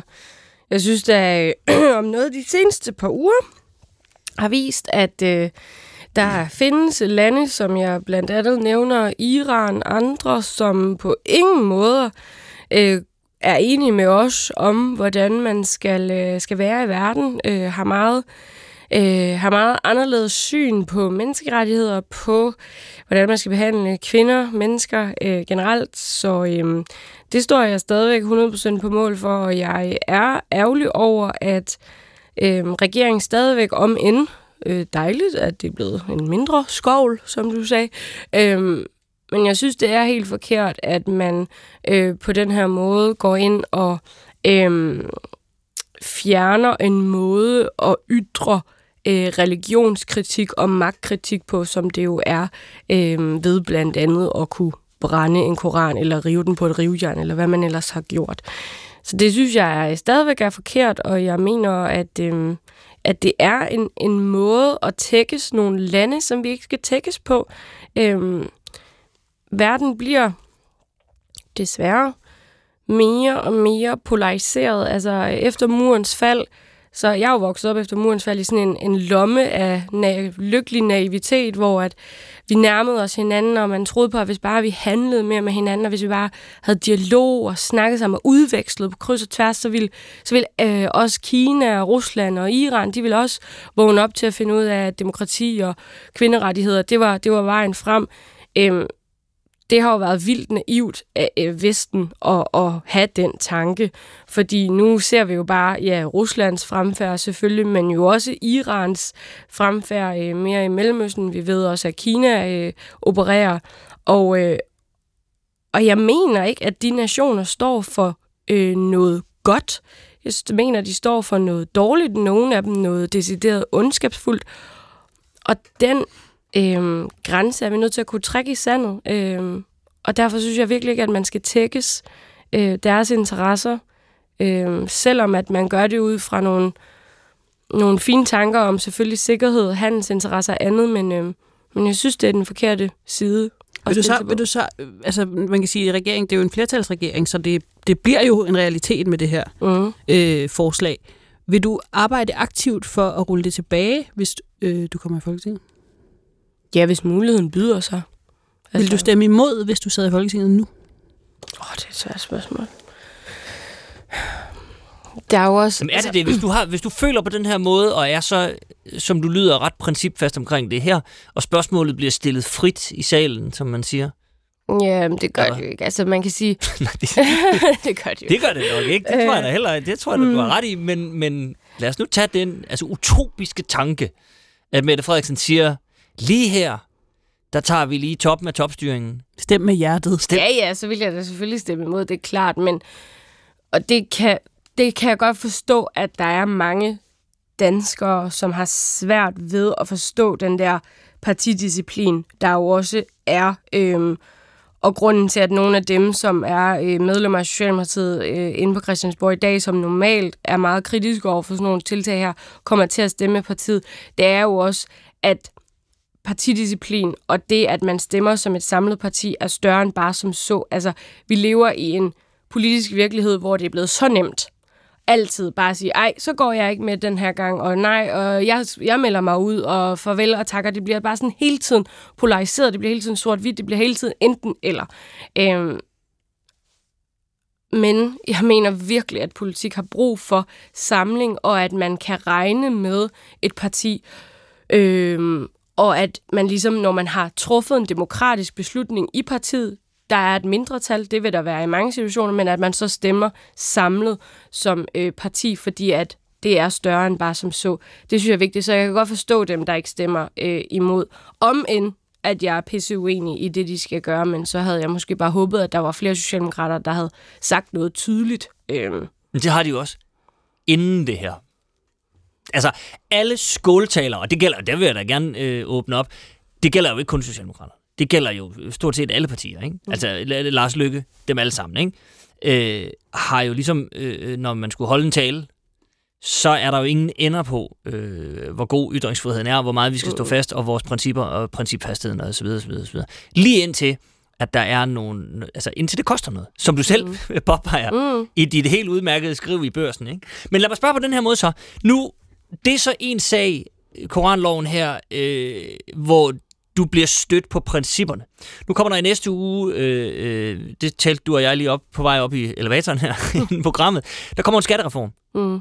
som jo også er, i hvert fald før den her regeringskonstruktion, hjerteblod for Socialdemokrater. Jeg ved godt, de benægter det nu, men der er jo blevet ført valgkamp på, at man siger, prøv lige at høre her, velfærd eller skattelettelser. Mm. Socialdemokraterne står på velfærd. Mm. Nu ser det ud til, at der kommer altså nogle gevaldige skattelettelser, som ikke nødvendigvis klinger øh, helt øh, jubeltoner, heller ikke i Viborg-kredsen, hvor du øh, Nej. øh, stiller op. Altså, hvor mange fundamentale, principielle sager øh, skal gå imod dig, før du tænker, okay, det er faktisk ikke min butik, det her. Ja, det, det er jo også et meget stort spørgsmål. Altså, jeg, jeg, jeg bliver aldrig andet end socialdemokrat. Altså, det, det er som... Det er der jo mange nuværende socialdemokrater, der også har sagt, at Nej, nej, prøv at. Find mig et socialdemokratisk øh, folketingsmedlem, der har... Okay, det, det findes, men det er meget, meget få. Det er meget, meget få. Altså, Socialdemokratiet er virkelig ikke et parti, man, man hopper fra. Øhm, vi har meget få af, af de der, der... Øhm, Men er det en god ting? løsgængere. Ja, det synes jeg, fordi det viser, at der er rigtig, rigtig, rigtig højt til loftet i Socialdemokratiet. Eller og, viser det, at der ikke er højt til loftet i Socialdemokratiet? Nå, men så kunne folk Fordi jo bare skrive, alt for partiet, altså. og I er skolet, I er skolet til at blive politikere fra en meget ung alder, ikke? Jo, jo, altså vi er i hvert fald skolet til, at, øhm, at der er noget, der er større end, end så meget andet. Og partiet. Øh, partiet er det største. Ej, Magten.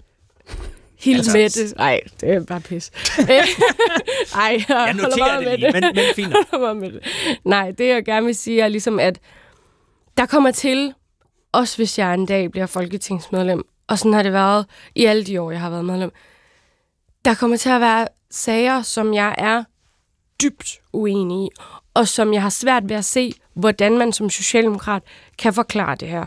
Og der vil være kompromiser, fordi det er jo det, som man gør som socialdemokrat, det er at indgå kompromiser, som jeg vil synes er forkerte. Det vil der være.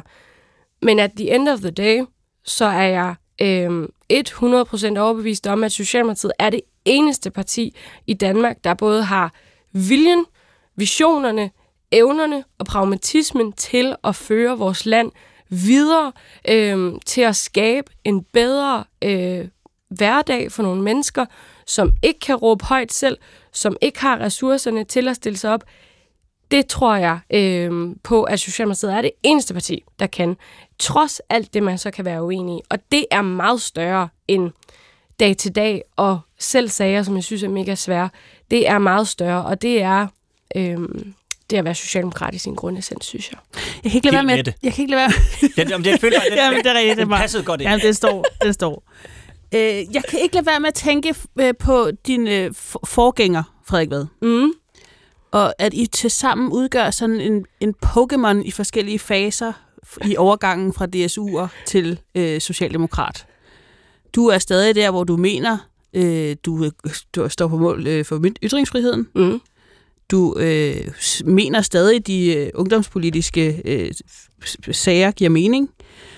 Men du kan også godt forstå, at noget med partiet er større end en selv. Jeg kan godt høre, hvor det er på vej hen. Jeg kan godt høre din overgang til Socialdemokratiet. Frederik Vad er noget lidt længere. Han er nået til at forklare os, at nogle ting må vige, fordi politik, og du ved, det, Mm. mm. det, det er den rejse, du kommer ud på nu, ikke? Jamen, jeg har været, jeg har været pragmatisk selv med modersmælken. Det er sgu så kedeligt, jeg ved det godt.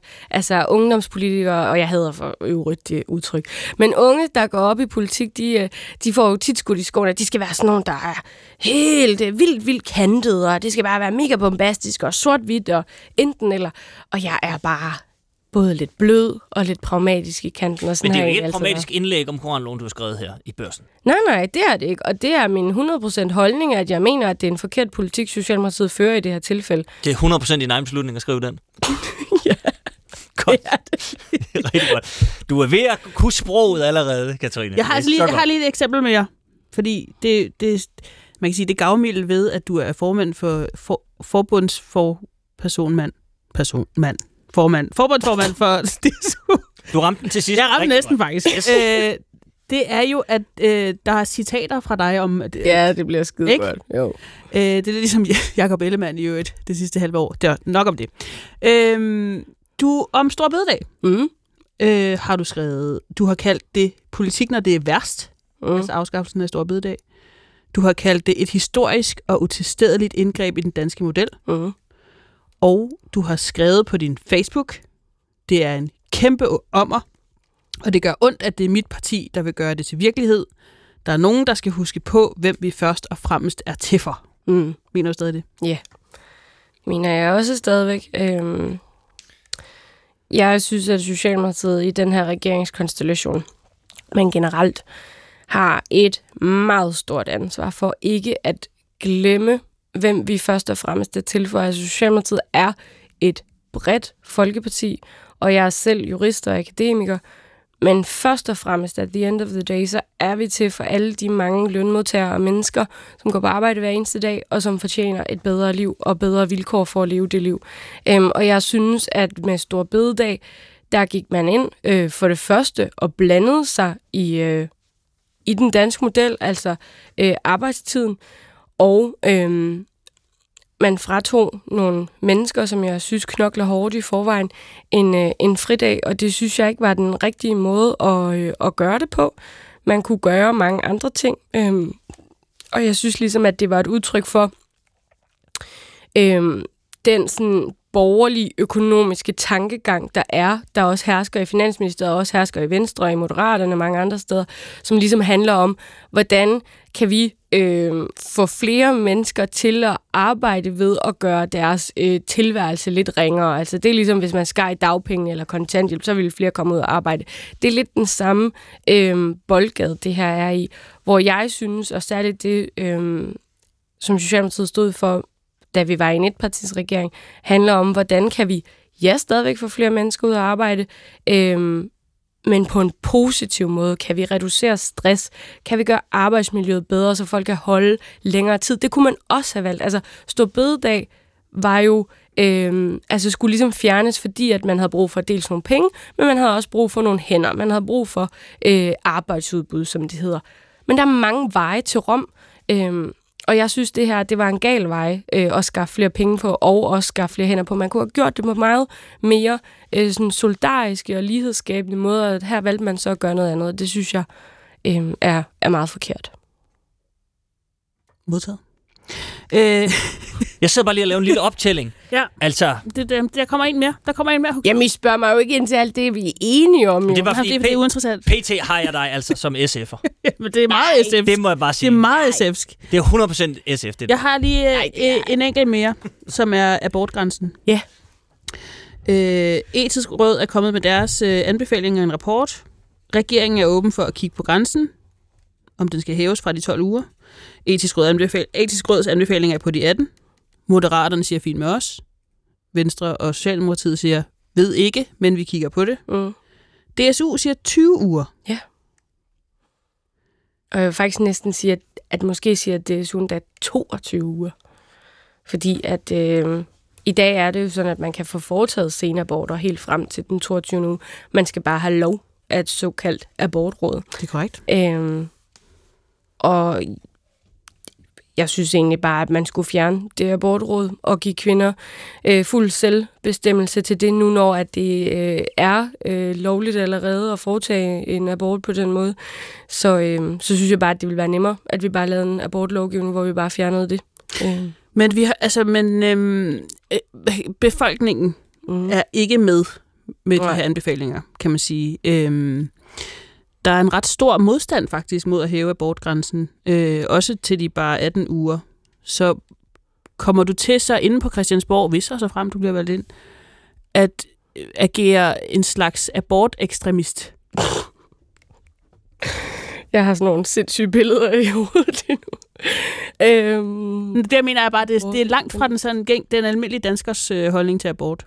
Der er du øh, langt ude på spektret. Jamen, det, det er jeg nok, og øhm, der er mange af de her ligestillingskampe, som befolkningen har, øhm, som befolkningen traditionelt kommer lidt langsommere til. Altså, man kunne også tale om øremærket barsel, øhm, hvor at, at der også har været en stor folkelig modstand, men som jeg også mener er det helt rigtige at gøre, øh, og i øvrigt ikke nogen sammenligninger ellers, men øhm, nogle gange er man jo også nødt til at stå fuldt på mål for det, man tænker, også selvom at det er upopulært i befolkningen. Altså, ellers kunne jeg jo bare være populist og øh, sige, at vi bare skulle have medvind på, øh, på motorvejene og cola ud af, af vandhanerne, hvad jeg ellers kunne finde på af rigtig sjove tiltag. Men det er jo ikke det, jeg er i politik for. Altså, jeg er jo også i politik for at stå på mål for det, jeg tror på, og jeg tror på, at vi skal give kvinder mere øh, selvbestemmelse, og jeg synes, vi skal give kvinder retten til at, øh, at selv bestemme over deres egen krop og deres eget liv, så meget som det nu er muligt. Og i og med, at vi øh, i dag også foretager aborter øh, helt frem til 2022,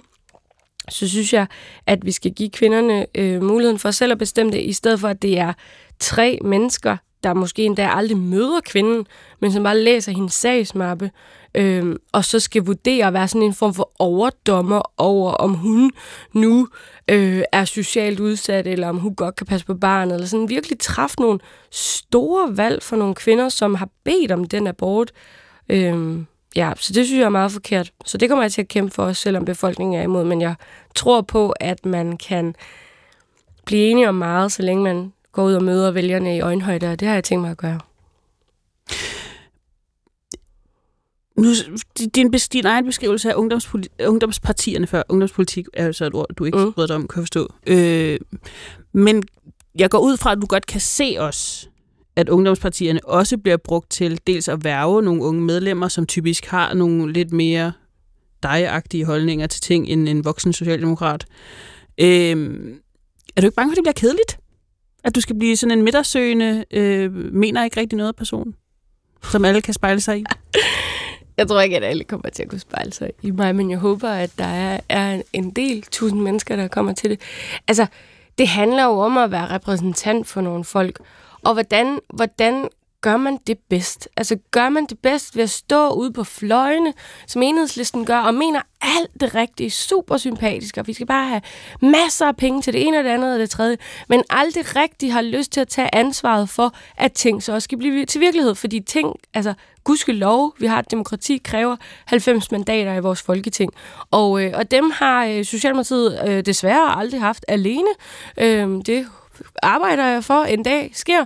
Men indtil da, øhm, så skal man jo indgå i nogle kompromiser. Og jeg har det sådan, det kunne godt være, at vi gerne vil gå fem skridt fremad, når vi laver vores politik. Men kan vi i et kompromis i hvert fald komme to eller tre skridt fremad, så er det jo alligevel at komme fremad. Og det kan være, at det går langsommere, det kan være, at det lyder mere kedeligt, mere pragmatisk, mere kompromissøgende. Men det er øh, at the end of the day, det er ansvarlige, og det er rigtige for vores land. Øh, og det synes jeg er øh, prisværdigt, selvom at det måske er kedeligt, og måske ikke trækker så mange sjove overskrifter, men det er det, det er ansvarligt at gøre. Efter din øh, abortrådstale, mm. der overvejede jeg at kommentere, der hoppede du så fra SF til enhedslisten. Men det lød jeg værd med. Til gengæld så sagde du selv lige efter, enhedslisten mener alt det rigtige. Nej, det mener de selv, de gør, men de mener alle de, sådan, de godhjertede ting. Altså, jeg tror sådan, man kan have det rigtig godt i maven som medlem af enhedslisten. Man vil gerne redde både klima, og det skal gå hurtigere, end hvad Socialdemokratiet gør. Man vil også altid give 5 milliarder mere til det ene eller det andet, end Socialdemokratiet vil, og alt muligt. Man har mange...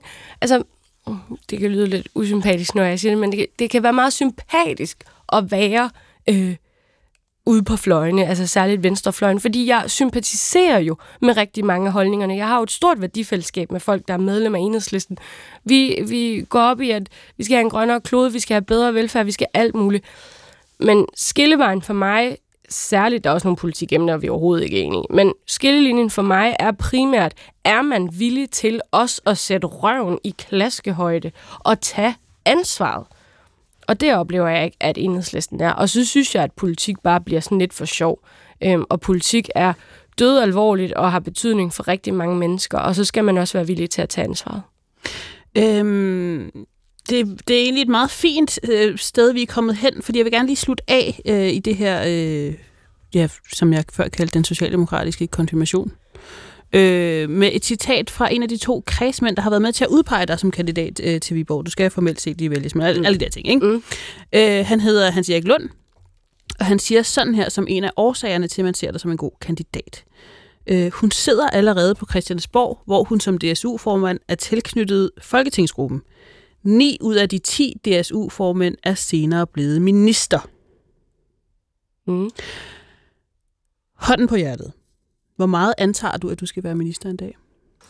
Det antager jeg ikke noget. Altså igen, det er jo, jeg, altså fordi jeg er blevet formand for DSU, har jeg jo ikke sådan en eller anden fødselsret til noget som helst. Altså jeg skal jo gøre mig vildt umage, og øh, jeg skal bevise mit værd først over for vælgerne i Viborg.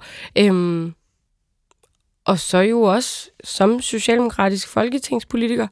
Altså selvfølgelig, hvis man stiller op som øh, folketingsmedlem, vil man selvfølgelig gerne være minister, fordi det der er det ultimative mål. Men altså, jeg skal også lige lære det og sådan noget. Ikke? Altså, det er jeg sådan set meget ydmyg omkring. At sådan, jeg, jeg er meget lidt sådan en her kommer jeg type. Øhm, ja, så. Men jeg er meget glad for, at Socialdemokratiet i Viborg har vist mig den store øhm, tillid. Det har jeg faktisk været meget rørt over de sidste par dage. Må jeg, må jeg ikke bare lige spørge, om der så er... Altså, jeg fiskede lidt efter det før, men er der, er der, en, er der nogle røde linjer? Er der, er der noget, hvor du siger, hvis, hvis det her, så, så er jeg ikke... Så jeg vil ikke tvinge dig til at skifte parti, det var du uvillig overfor, kunne jeg godt mærke. Men er der noget, hvor du siger, så er det simpelthen så er det ikke, så er det, ikke det værd? Så øh, hvis, hvis Socialdemokratiet bevæger sig i den her retning, så kan jeg ikke... Øh, det er bare fordi, jeg, jeg, jeg, jeg har sådan en fornemmelse af, og, øh, som værende ikke medlem af Socialdemokratiet, og aldrig nogensinde været engageret i ungdomspolitik, men det er mere, for mig virker det som om, at, at, der er, at Socialdemokratiet er ramt på nogle kardinalpunkter i forhold til ytringsfriheden, i forhold til skat, øh, og, og, og du var selv inde på det her med, med, med, med stor bededag, arbejdsmarkedspolitik. Altså, er der, er der en, en rød streg, der ikke skal krydses for dig? Altså, selvfølgelig er der en eller anden rød streg et eller andet sted, men jeg kan simpelthen ikke øh, forestille mig, hvor den skulle komme. Altså, det handler jo også om, trods alle de ting, som du siger der, som jeg er uenig i, tror man så grundlæggende på projektet, og den her regering er jo ikke sådan groet i DSU's baghave, øh, men noget, som i jo ikke fremhæver forståeligt nok, men, men for eksempel alt det, som den her regering gør på uddannelsespolitikken. Man har lige omfordelt en masse penge fra universiteterne til erhvervsuddannelse. Man har givet det største løft i mange år. Man laver en mere praktisk folkeskole. Man gør en hel masse for de ordblinde elever. Man gør mange, mange, mange ting, som er noget af det, jeg som DSU-formand og medlem af DSU har kæmpet for i 10 år. Og det er det her Socialdemokrati, som øh, indfører det.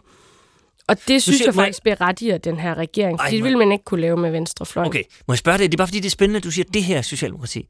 Fordi det her, jeg har også en oplevelse af, at det her Socialdemokrati er ved at rydde op efter det andet Socialdemokrati. Nej, Nødvendigheden, jeg- nødvendighedens politik og Bjarne Korydon og Helle Thorning, oh, yeah. som Ja. indførte en, i øvrigt med beskæftigelsesminister Mette Frederiksen, indførte en, en øh, folkeskolereform, som, som de selv siger nu, var helt gak. Går og griner af og siger, prøv at høre de her 4.000 skøre regler. Hvem har lavet det? Hvem har lavet det, Mark? Nej, for Uden os selv. Nå ja. Altså, det er jo, det er jo det er da spøjst. Ja, det, altså den folkeskolereform er jo, var jo, øh, havde jo simpelthen så mange gode intentioner. Men man kan jo ikke bygge noget med Men husk, vejen til helvede. Ja, præcis. Og så Det er videre. jo det, og det er jo også det, og det er jo også, altså der synes jeg jo så, det synes jeg jo viser format, at der er et Socialdemokrati, som anerkender, det var ikke godt nok, det skal vi rydde op efter. Og der var mange gode intentioner med det. Øh, eleverne skulle bevæge sig mere, man skulle have færre lektier for, vi skulle bryde den øh, negative sociale arv. Alle børn skulle ligesom bestå folkeskolen, og det skulle man gøre på de der måder. Der var så meget godt, men udførselen var så dårlig, at det aldrig nogensinde blev øh, særlig godt, og måske på nogle punkter også kontraproduktivt. Øhm, og der synes jeg jo, at man har en helt anden tilgang den her gang, og det er jo også, altså det er jo igen menneskeligt at lære sine fejl. Den her gang, der har vi en undervisningsminister, som virkelig har sat sig for bordenden øh, sammen med alle, der har noget med skolen at gøre, og har talt i flere år med dem om, hvordan kan vi komme hen et sted, hvor vi alle sammen er enige om, hvilken retning vi skal øh, tage i, og øh, har ejerskab over det. Og det er jo en mega god måde at drive politik på, øh, fordi så er man netop nogens tillidsmand. Man lytter, man prøver på selv at sætte en politisk retning selvfølgelig, men at inddrage og gå i den retning sammen, det synes jeg er mega prisværdigt. Øh, og det er jeg da stolt af. Altså, så der er også masser af ting i den her regering, som jeg er stolt af. Det er jo sjældent så sort-hvidt, som I søde journalister gerne vil have det til at, at være. Jamen, det har du ret i. Det har du ret i. Så skal vi, skal vi opsummere det? Vi skal til en overskrift. Ja. Har du en, Huxi? Det har jeg da. Nå. Katrine Evelyn Jensen er enig i det meste. Helt med det. Ja, jeg har lavet en, som øh, altså jo kan det samme. Men den er bare lavet som... Den er bare lavet i en, i en fjern, fjern fremtid. Hvor den lyder beskæftigelsesminister Katrine Evelyn Jensen. men samme, samme koncept ellers. Kan du mærke det, Katrine? Om vi ses om 10 år, Altså, så er jeg det har- kun et spørgsmål om, hvilken ministerpost du har På fået. de her øh, øh, par timer, vi efterhånden har brugt sammen, har jeg fået flere ministerposter, end, øh, end jeg kunne drømme om. End der er står i din vildt. egen masterplan. Ja, det må man sige. Statistikken taler for, vil jeg sige. Ja. Det vil jeg også sige.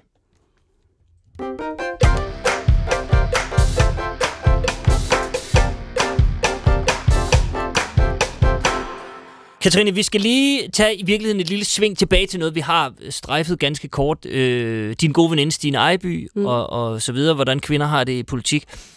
Men vi skal lige en tur til Island. Mm-hmm. Det lød nemlig sådan her i radiovisen forleden.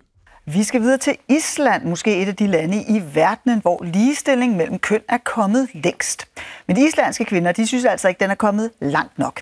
For den er nemlig gået i stå efter mange års fremskridt. Og derfor gik tusindvis af islandske kvinder i dag på gaden i Reykjavik, og samtidig så overlod de arbejde, børnepasning og også de huslige pligter til mændene. Ja, og de havde et band med. Ja. Og det var herligt. Det var i tirsdags, det her, øh, på Island. Og det er en gentagelse af en historisk begivenhed, som løb stablen i 1975, som satte landet fuldstændig i stå, da kvinder gjorde øh, det samme. Strækkede. Øh, der, de ville ikke, det lyder som mærkeligt, de ville ikke passe deres børn. Det er jo i virkeligheden det, det handler om. Det ville gerne have, at der var nogen andre, der skulle passe. Mændene, øh, tag dog, øh, pas dog de børn. Det var det, det handlede om. Øh, men argumentet fra dem er, at der er stadigvæk et 20% løngab, øh, fordi kvinder arbejder i typiske kvindejobs. Øh, det er sundhed, det er omsorg, det er rengøring osv. osv., osv. Øh, og så er der, og det synes jeg var ret øh, voldsomt at læse, fire, øh, slået en ud af fire islandske kvinder har simpelthen oplevet øh, voldtægt eller seksuel vold. De 25 procent, det er jo helt vildt. Mm. Øh, Katrine, er der, er der brug for, jævnfør hvad, hvad, hvad Stine sagde, nu ved jeg godt, det var sådan forankret i, øh, i Socialdemokratiet øh, på interne linjer osv., men i Danmark er vi et sted, hvor øh, selvom vi er i forhold til alle mulige andre lande, man kan sammenligne sig med, langt fremme i forhold til ligestilling, men er vi et sted, hvor øh, vi skal til at på øh, gaden, og Mette Frederiksen skal sige, Bo, nu passer du altså lige gryderne. Hold kæft, jeg ville synes, det var Mor skal fedt. på gaden. Hvis, altså, det er jo sådan noget, jeg mener, det er sådan omkring 40 procent af alle islandske kvinder, der var med på det der stræk. Det er jo altså, virkelig gode organiseringsevner. Jeg vil gerne øh, møde den kampagneleder. Hun har, hun har været dygtig.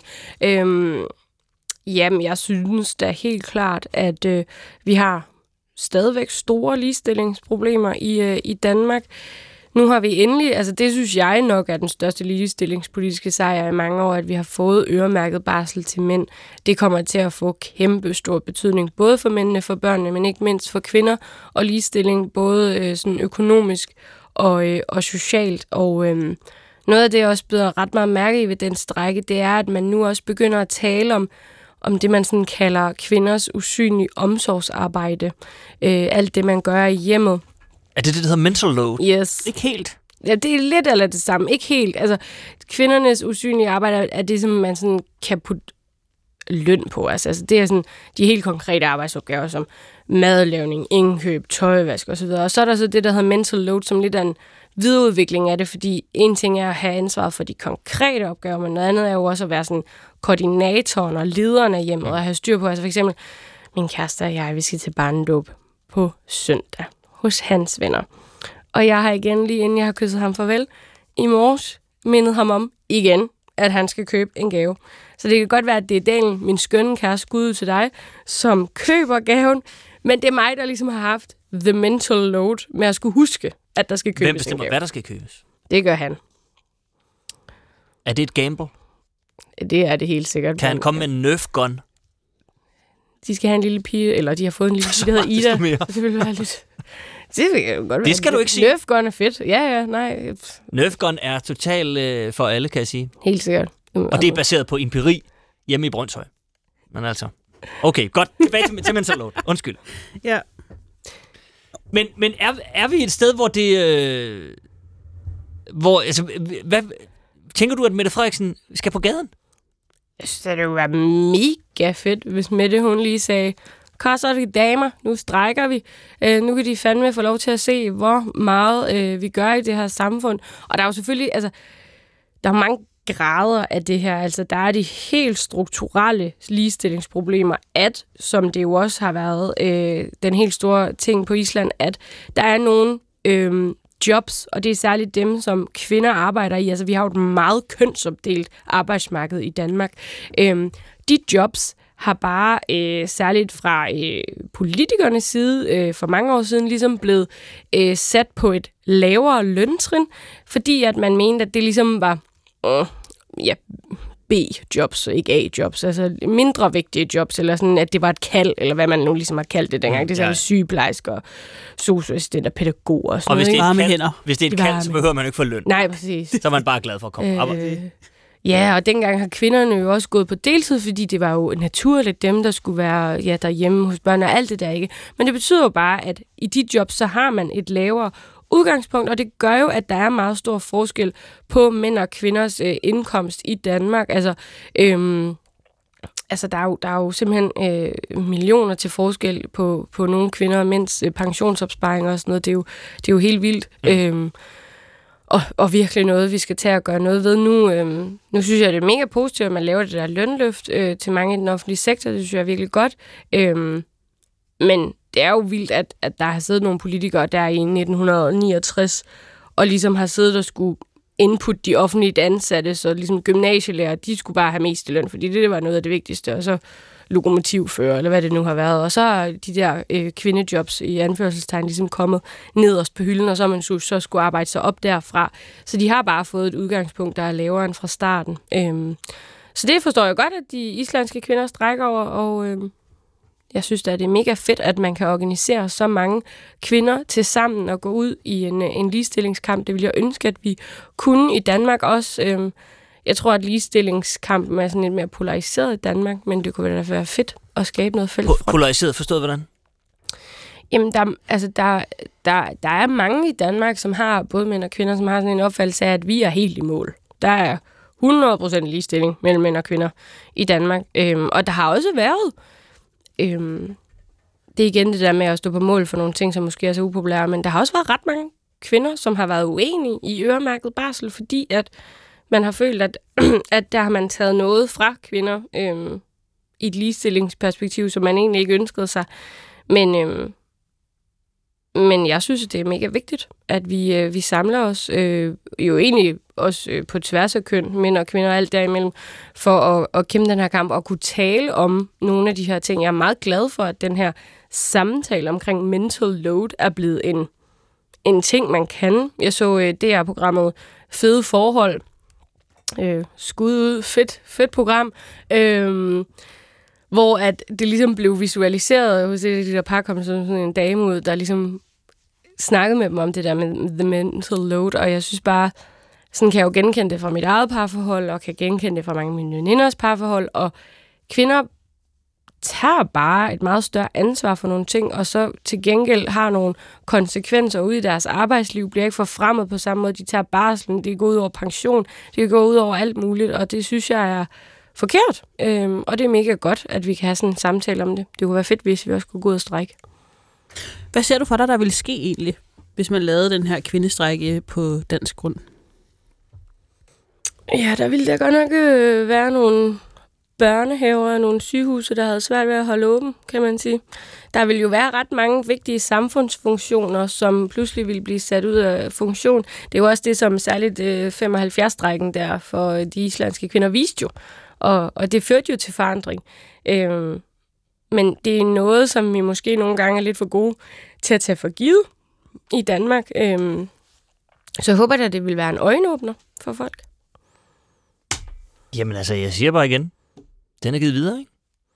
Altså, Skal vi? det er bare fordi... Jeg skriver lige her, det er fordi, jeg kom bare lige, jeg skulle lige, den kørte lige op i mit hoved. Jeg kan Mm. bare mærke, at øh, det bliver igen sådan lidt en fremtidsting. Ja. Ligestillingsminister Katarina Evelyn Jensen går på gaden. fandme... Sådan. Den kan jeg godt se for mig. Det er et løfte. Det, det, det vil jeg gerne lave til et vedmål også, har jeg lyst til at sige. Ja. Der er Om det, den- vi skal vide om Ja. efter det her program, kan jeg mærke. skal vi, vi skal lige huske den. Yes. Den er noteret.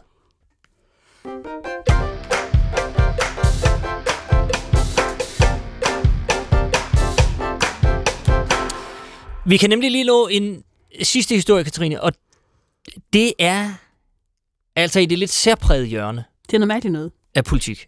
På alle måder. Vi skal et øh, smut forbi vores udenrigsminister, Lars Løkke Rasmussen, og vi skal hjem i privaten, forstået på den måde, at det, det var en scene, der udspillede sig øh, hjemme hos Lars Løkke Rasmussen. I sin øh, kapacitet af udenrigsminister øh, skulle han holde et møde med øh, forpersonen øh, for den afrikanske union. Han hedder Musa Faki. Og øh, det holder han øh, af en eller anden årsag derhjemme. Det studser jeg allerede lidt over, at, at, at, at det kunne man godt. Men det er åbenbart, der er også Zoom på den computer derhjemme, og den er tilsyneladende sikker nok. Det skulle vise sig, at det er den ikke helt. Øh, det viser sig, at det var øh, slet ikke en afrikansk mand. Det var to russiske komikere, der hedder Vovan og Lexus, som står bag. De er kendt for at lave øh, sådan noget, altså telefonfis på Zoom nærmest, øh, til alle mulige øh, politikere. Og de har øh, snakket med finske og svenske ministre og alle mulige. Øh. Men det, der er problemet, det er, at de snakker med ham om, øh, det er ikke fordi, det er specielt sjovt, men de snakker med ham om øh, Zelensky og hvordan og hvorledes øh, det går med krigen i Ukraine, og om han på et tidspunkt øh, kunne forestille sig at sætte sig til forhandlingsbordet. Altså Zelensky. Lars Lykke, han svarer det her. and it's not in, easy for me to predict, but but at some point, uh, I guess that the Ukrainian president will uh, adjust the situation and uh, and declare that uh, this is now the time for start negotiations. Ja, altså han får sagt, at han... Og det er jo ikke fordi, der er nogen, der har fået slået det her brød op til, at han afslører øh, fuldstændig vanvittige hemmeligheder. Det gør han jo ikke. Han siger bare, jeg tror, at på et eller andet tidspunkt vil Zelensky sætte sig til forhandlingsbordet. Men underliggende, Katrine, ja, altså, bare lige sådan off the cuff, hvad tænker du om det her? Jeg synes virkelig, det er mærkeligt. Altså, øh, ja, det er bare det er en super underlig situation, men altså, han er jo så åbenbart ikke den eneste minister ude i verden, der er blevet pranket af de her. Jeg håber, der lige udenrigsministeriet lige vil tjekke op, om procedurerne er stramme nok, men jeg synes bare, det er lidt... Øh, det er sgu lidt en ristet situation, det er fandme mærkeligt. Men, øh, Om det, altså, det var mit første... Altså, at det kan ske, tænker jeg. Jeg har også lavet øh, øh, telefonfis i radioen. altså, det, det er da bare bekymrende, at man sådan siger, og især altså i disse tider, to russiske komikere, altså jeg har ingen anelse om, hvordan de har henvendt sig for en eller anden... Øh, Nej. den afrikanske union snabelag hotmail.com øh, anmoder om et møde med Lars Løkke Rasmussen. Det synes jeg er ret... Øh... Altså jeg ved ikke, om man skal ringe til IT ind i Udenrigsministeriet på Asiatisk Plads og lige sige, prøv lige at høre, der, der er et eller andet her. ja, det er nok en god idé. Lige, lige at sætte sig og evaluere situationen. Hvad gik galt her? Det skal vi nok lige have. Du virker meget rolig, Katrine, omkring det faktisk. Jamen, jeg synes, det, jeg synes, det, jeg, jeg synes bare, det er så mærkeligt. Altså, det ved jeg ikke. Altså, jamen, det, det skulle jo ikke være sket. Altså, det tænker jeg da også, Lars Lykke selv kan se. Men, men det er jo nok ikke hans fejl. Altså, det er jo nok et eller andet i Udenrigsministeriet, der er gået galt, og nogen, der har været godtroende på en eller anden måde. Og det skal man jo så bare gøre bedre en anden gang. Men, men vi så jo åbenbart ikke de eneste, der har været øh, hoppet på den. Det er Og rigtigt. Der er i hvert fald øh, ni andre lande, har Udenrigsministeriet nu på bagkant fundet ud af. Nå. Men der er vel der er også noget med, altså, en ting er, de er nogle satirikere, de lægger det frem og siger, har vi har gjort det her. Jeg synes, det er sådan lidt tankevækkende, sådan, kan vide, hvor mange, der har haft et møde med Lars Lykke eller en anden politiker, som vi ikke ved, ikke var den person. Ja. Good point. Altså, som, som jo ikke så har sagt, haha, det var bare os, de fnis, prut. Ja. Men som har så indsamlet noget information og brugt det til et eller andet. Ja, det håber jeg virkelig ikke er, er, er tilfældet, men øhm, det er der nok nogen, der sidder og grænsker i, øh, i Udenrigsministeriet. Men altså, for, for Det håber jeg da. Det kan jo lade sig gøre, og det, man kan sige, det er jo det er to komikere, det er jo ikke øh, to øh, efterretningstjeneste eksperter med en eller anden form for IT-geni-type på ærmet. Nej, men, nej altså, men, men det skal jo ikke ske, og i de her tider, altså, hvor at, at verden jo ja, netop er i sådan en højspændt situation, og hvor, jeg, hvor der virkelig er øh, fare for, hvis, hvis der er nogen, der, altså nogle informationer, der falder i de forkerte hænder.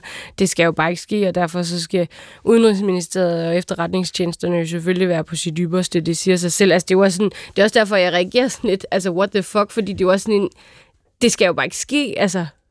Det skal det nemlig ikke. Og derfor vil jeg gerne lige her bruge de sidste øh, øh, minutter på at gå proaktivt til det her. Jeg er enig med dig, Katarina, så langt som det er ikke på den måde Lars Lykkes skyld. Der er selvfølgelig nogle, nogle IT-ansvarlige, der har, for nu at sige det lidt frisk, fucket op her. Mm. Altså, det burde ikke være sket. Men, jeg har et lille men. Og fordi jeg vil, jeg vil spille en, en delvis skyldbold hen til Lars Løkke Rasmussen. Altså, jeg stussede bare, da jeg hørte det her klip. Nu skal vi lige høre det igen med øh, Vovan og Lexus i lydbilledet. De stiller ham et spørgsmål om Zelensky jo. Og der er bare nødt til at sige, altså Lars Lykke ved, at han skal holde et møde med en mand fra den afrikanske union, der hedder Musa Faki. Og han lyder til synlædende sådan her. But what is your opinion? Uh, when the conflict will be finished? How soon? Uh, I know that uh, your prime minister had a meeting with uh, President Zelensky uh, recently, but what is uh, what is he what is his opinion and uh, how do you think is counteroffensive is failed or uh, when? Uh, I, because as I read f- learned from news, so I see that it is not so. Uh, successful as uh, all of us expected, and when the Altså Katrine, jeg er simpelthen nødt til at sige, at det her det er simpelthen ikke en mand fra Afrika, der har ringet op her. Det er ikke Musa Faki. Det er jo tæ- vi er jo tættere på, at Borat har ringet op. Hello, you like news? Altså, det, altså, der er simpelthen nødt til at sige til Lars Lykke, han, han, det, det er tofold, det her problem. Nogen hos Udenrigsministeriet skal, skal gennemgå deres IT, og Lars Lykke skal sendes på sådan et, et sprogkursus. Altså de der Rosetta Men, men Huxi, lydbøger, og så ligesom sige, hvor, hvad, hvor er vi hen med det her? Du kan heller ikke som diplomat sidde og sige til en repræsentant fra den afrikanske union, Gud fortæller du sjovt. Nej, men nej, Det men, nej, det- nej, det slipper man ikke selvfølgelig, med. selvfølgelig kan man ikke det, men man kan godt sige, det her, det lyder rimelig spøjst. Jeg, jeg svarer sætter så, lige på pause. Jeg svarer så vævende, som jeg overhovedet kan. Ja, eller, eller laver den der... Øj, jeg kører gennem en tunnel. Altså, hvis der, hvis der er noget, man kan fake, så er det, at Teams går ned, for det er der dog historik Det for, at det gør. Det er rigtigt. Men jeg synes, altså... Jeg var bare nødt til at flage den, synes jeg. Jeg vil bare også sige, men, altså, Lars Lykke, jeg forstår godt, at han ikke er hoppet ind og har sagt, what a funny, what a funny accent you have, Mr. African man. Ja, ja. Det skulle jeg da heller ikke have sagt. Men jeg siger bare... Okay, jeg siger, lad mig sige det på den her måde. Jeg har begået en, en, en øh, ja. overskrift, fordi Lars Lykke har ikke vil kommentere det her. Derfor har jeg skrevet. Lars Lykke har ikke mulighed for at kommentere fupmøde. Han er nemlig optaget i et teamsmøde med paven og Elvis. Ja. Jeg synes, den er god. Så kan jeg arbejde med Jeg synes, den. den er god. Godt. Katrine, således, øh, således øh, opløftet. Øhm, hvornår regner du med at være minister? hvornår, skal, hvornår skal vi mødes igen? Jamen, øhm, giv mig lige... Ja, giv mig lige en 7-8-9 år. Regner du med at tage, øh, at, stå, at du står i kø til statsministerposten bag ved Frederik Vad, eller regner du med at overhale ham indenom? Uh. Uh, ja. Uh, jeg, er jo, det er jo, det er jo, jeg holder jo simpelthen så meget af Frederik, men det er jo altid sådan træls at være lige efter ham, fordi han er så skide dygtig. Så, øhm, Så du håber på en dårligere socialdemokrat imellem dig efter Peter Hummelgaard, eller hvem den næste du bliver. Okay, ja. Ja, okay. til at sige. Så der, fordi så skal du bruge nogle år, ikke? Nå, men det, jeg kan godt lide, at det er en 2030-plan. Du siger en 7-8 år. Lad os sige 7. Mm. Og speed den lidt op. Så en gang i 2030. Ah, Som- det, det er godt nok, det lyder urealistisk tæt på, hva'? Hvorfor? Ah. Det gør det da ikke. Men altså, øh, man står jo ikke lige... Altså, der er jo også et politisk håndværk, man lige skal lære. Og der er også, jeg har hørt, det er forfærdeligt øh, teknisk med IT på Christiansborg. Det tager sikkert også et par år lige at lære, før man sådan De skal i hvert fald, det er i hvert fald i Jeg udenrigsministeriet. skulle sige. Men lad, lad nu den ligge. Jeg vil gerne repræsentere nogle, jeg vil bare gerne repræsentere nogle mennesker og gøre det øh, godt for dem, og det er så det første, den første tillid, jeg gerne vil bede om. Øhm, ja, og så efter det, så må vi se, hvad livet bringer. Men vi har lige hørt dig om din plan herfra til Folketinget. Og det var meget... Ja, ja. Der skal jo også være en plan. Nu har jeg jo... Nu, nu der er jo nogen, der har vist mig den til Vi glæder os til at se øh, planen, og jeg er nødt til at sige, at sendeplanen den dikterer, at der kommer en radioavis nu. Ah, ja. Ah, ja. Så øh, Katrine Evelyn Jensen, det var en fornøjelse. Tak fordi du kom og besøgte os. Alt held og lykke med din øh, masterplan. Tak. Vi ses om syv år. Tak for i dag. Gå på opdagelse i alle DR's podcast og radioprogrammer. I appen DR Lyd.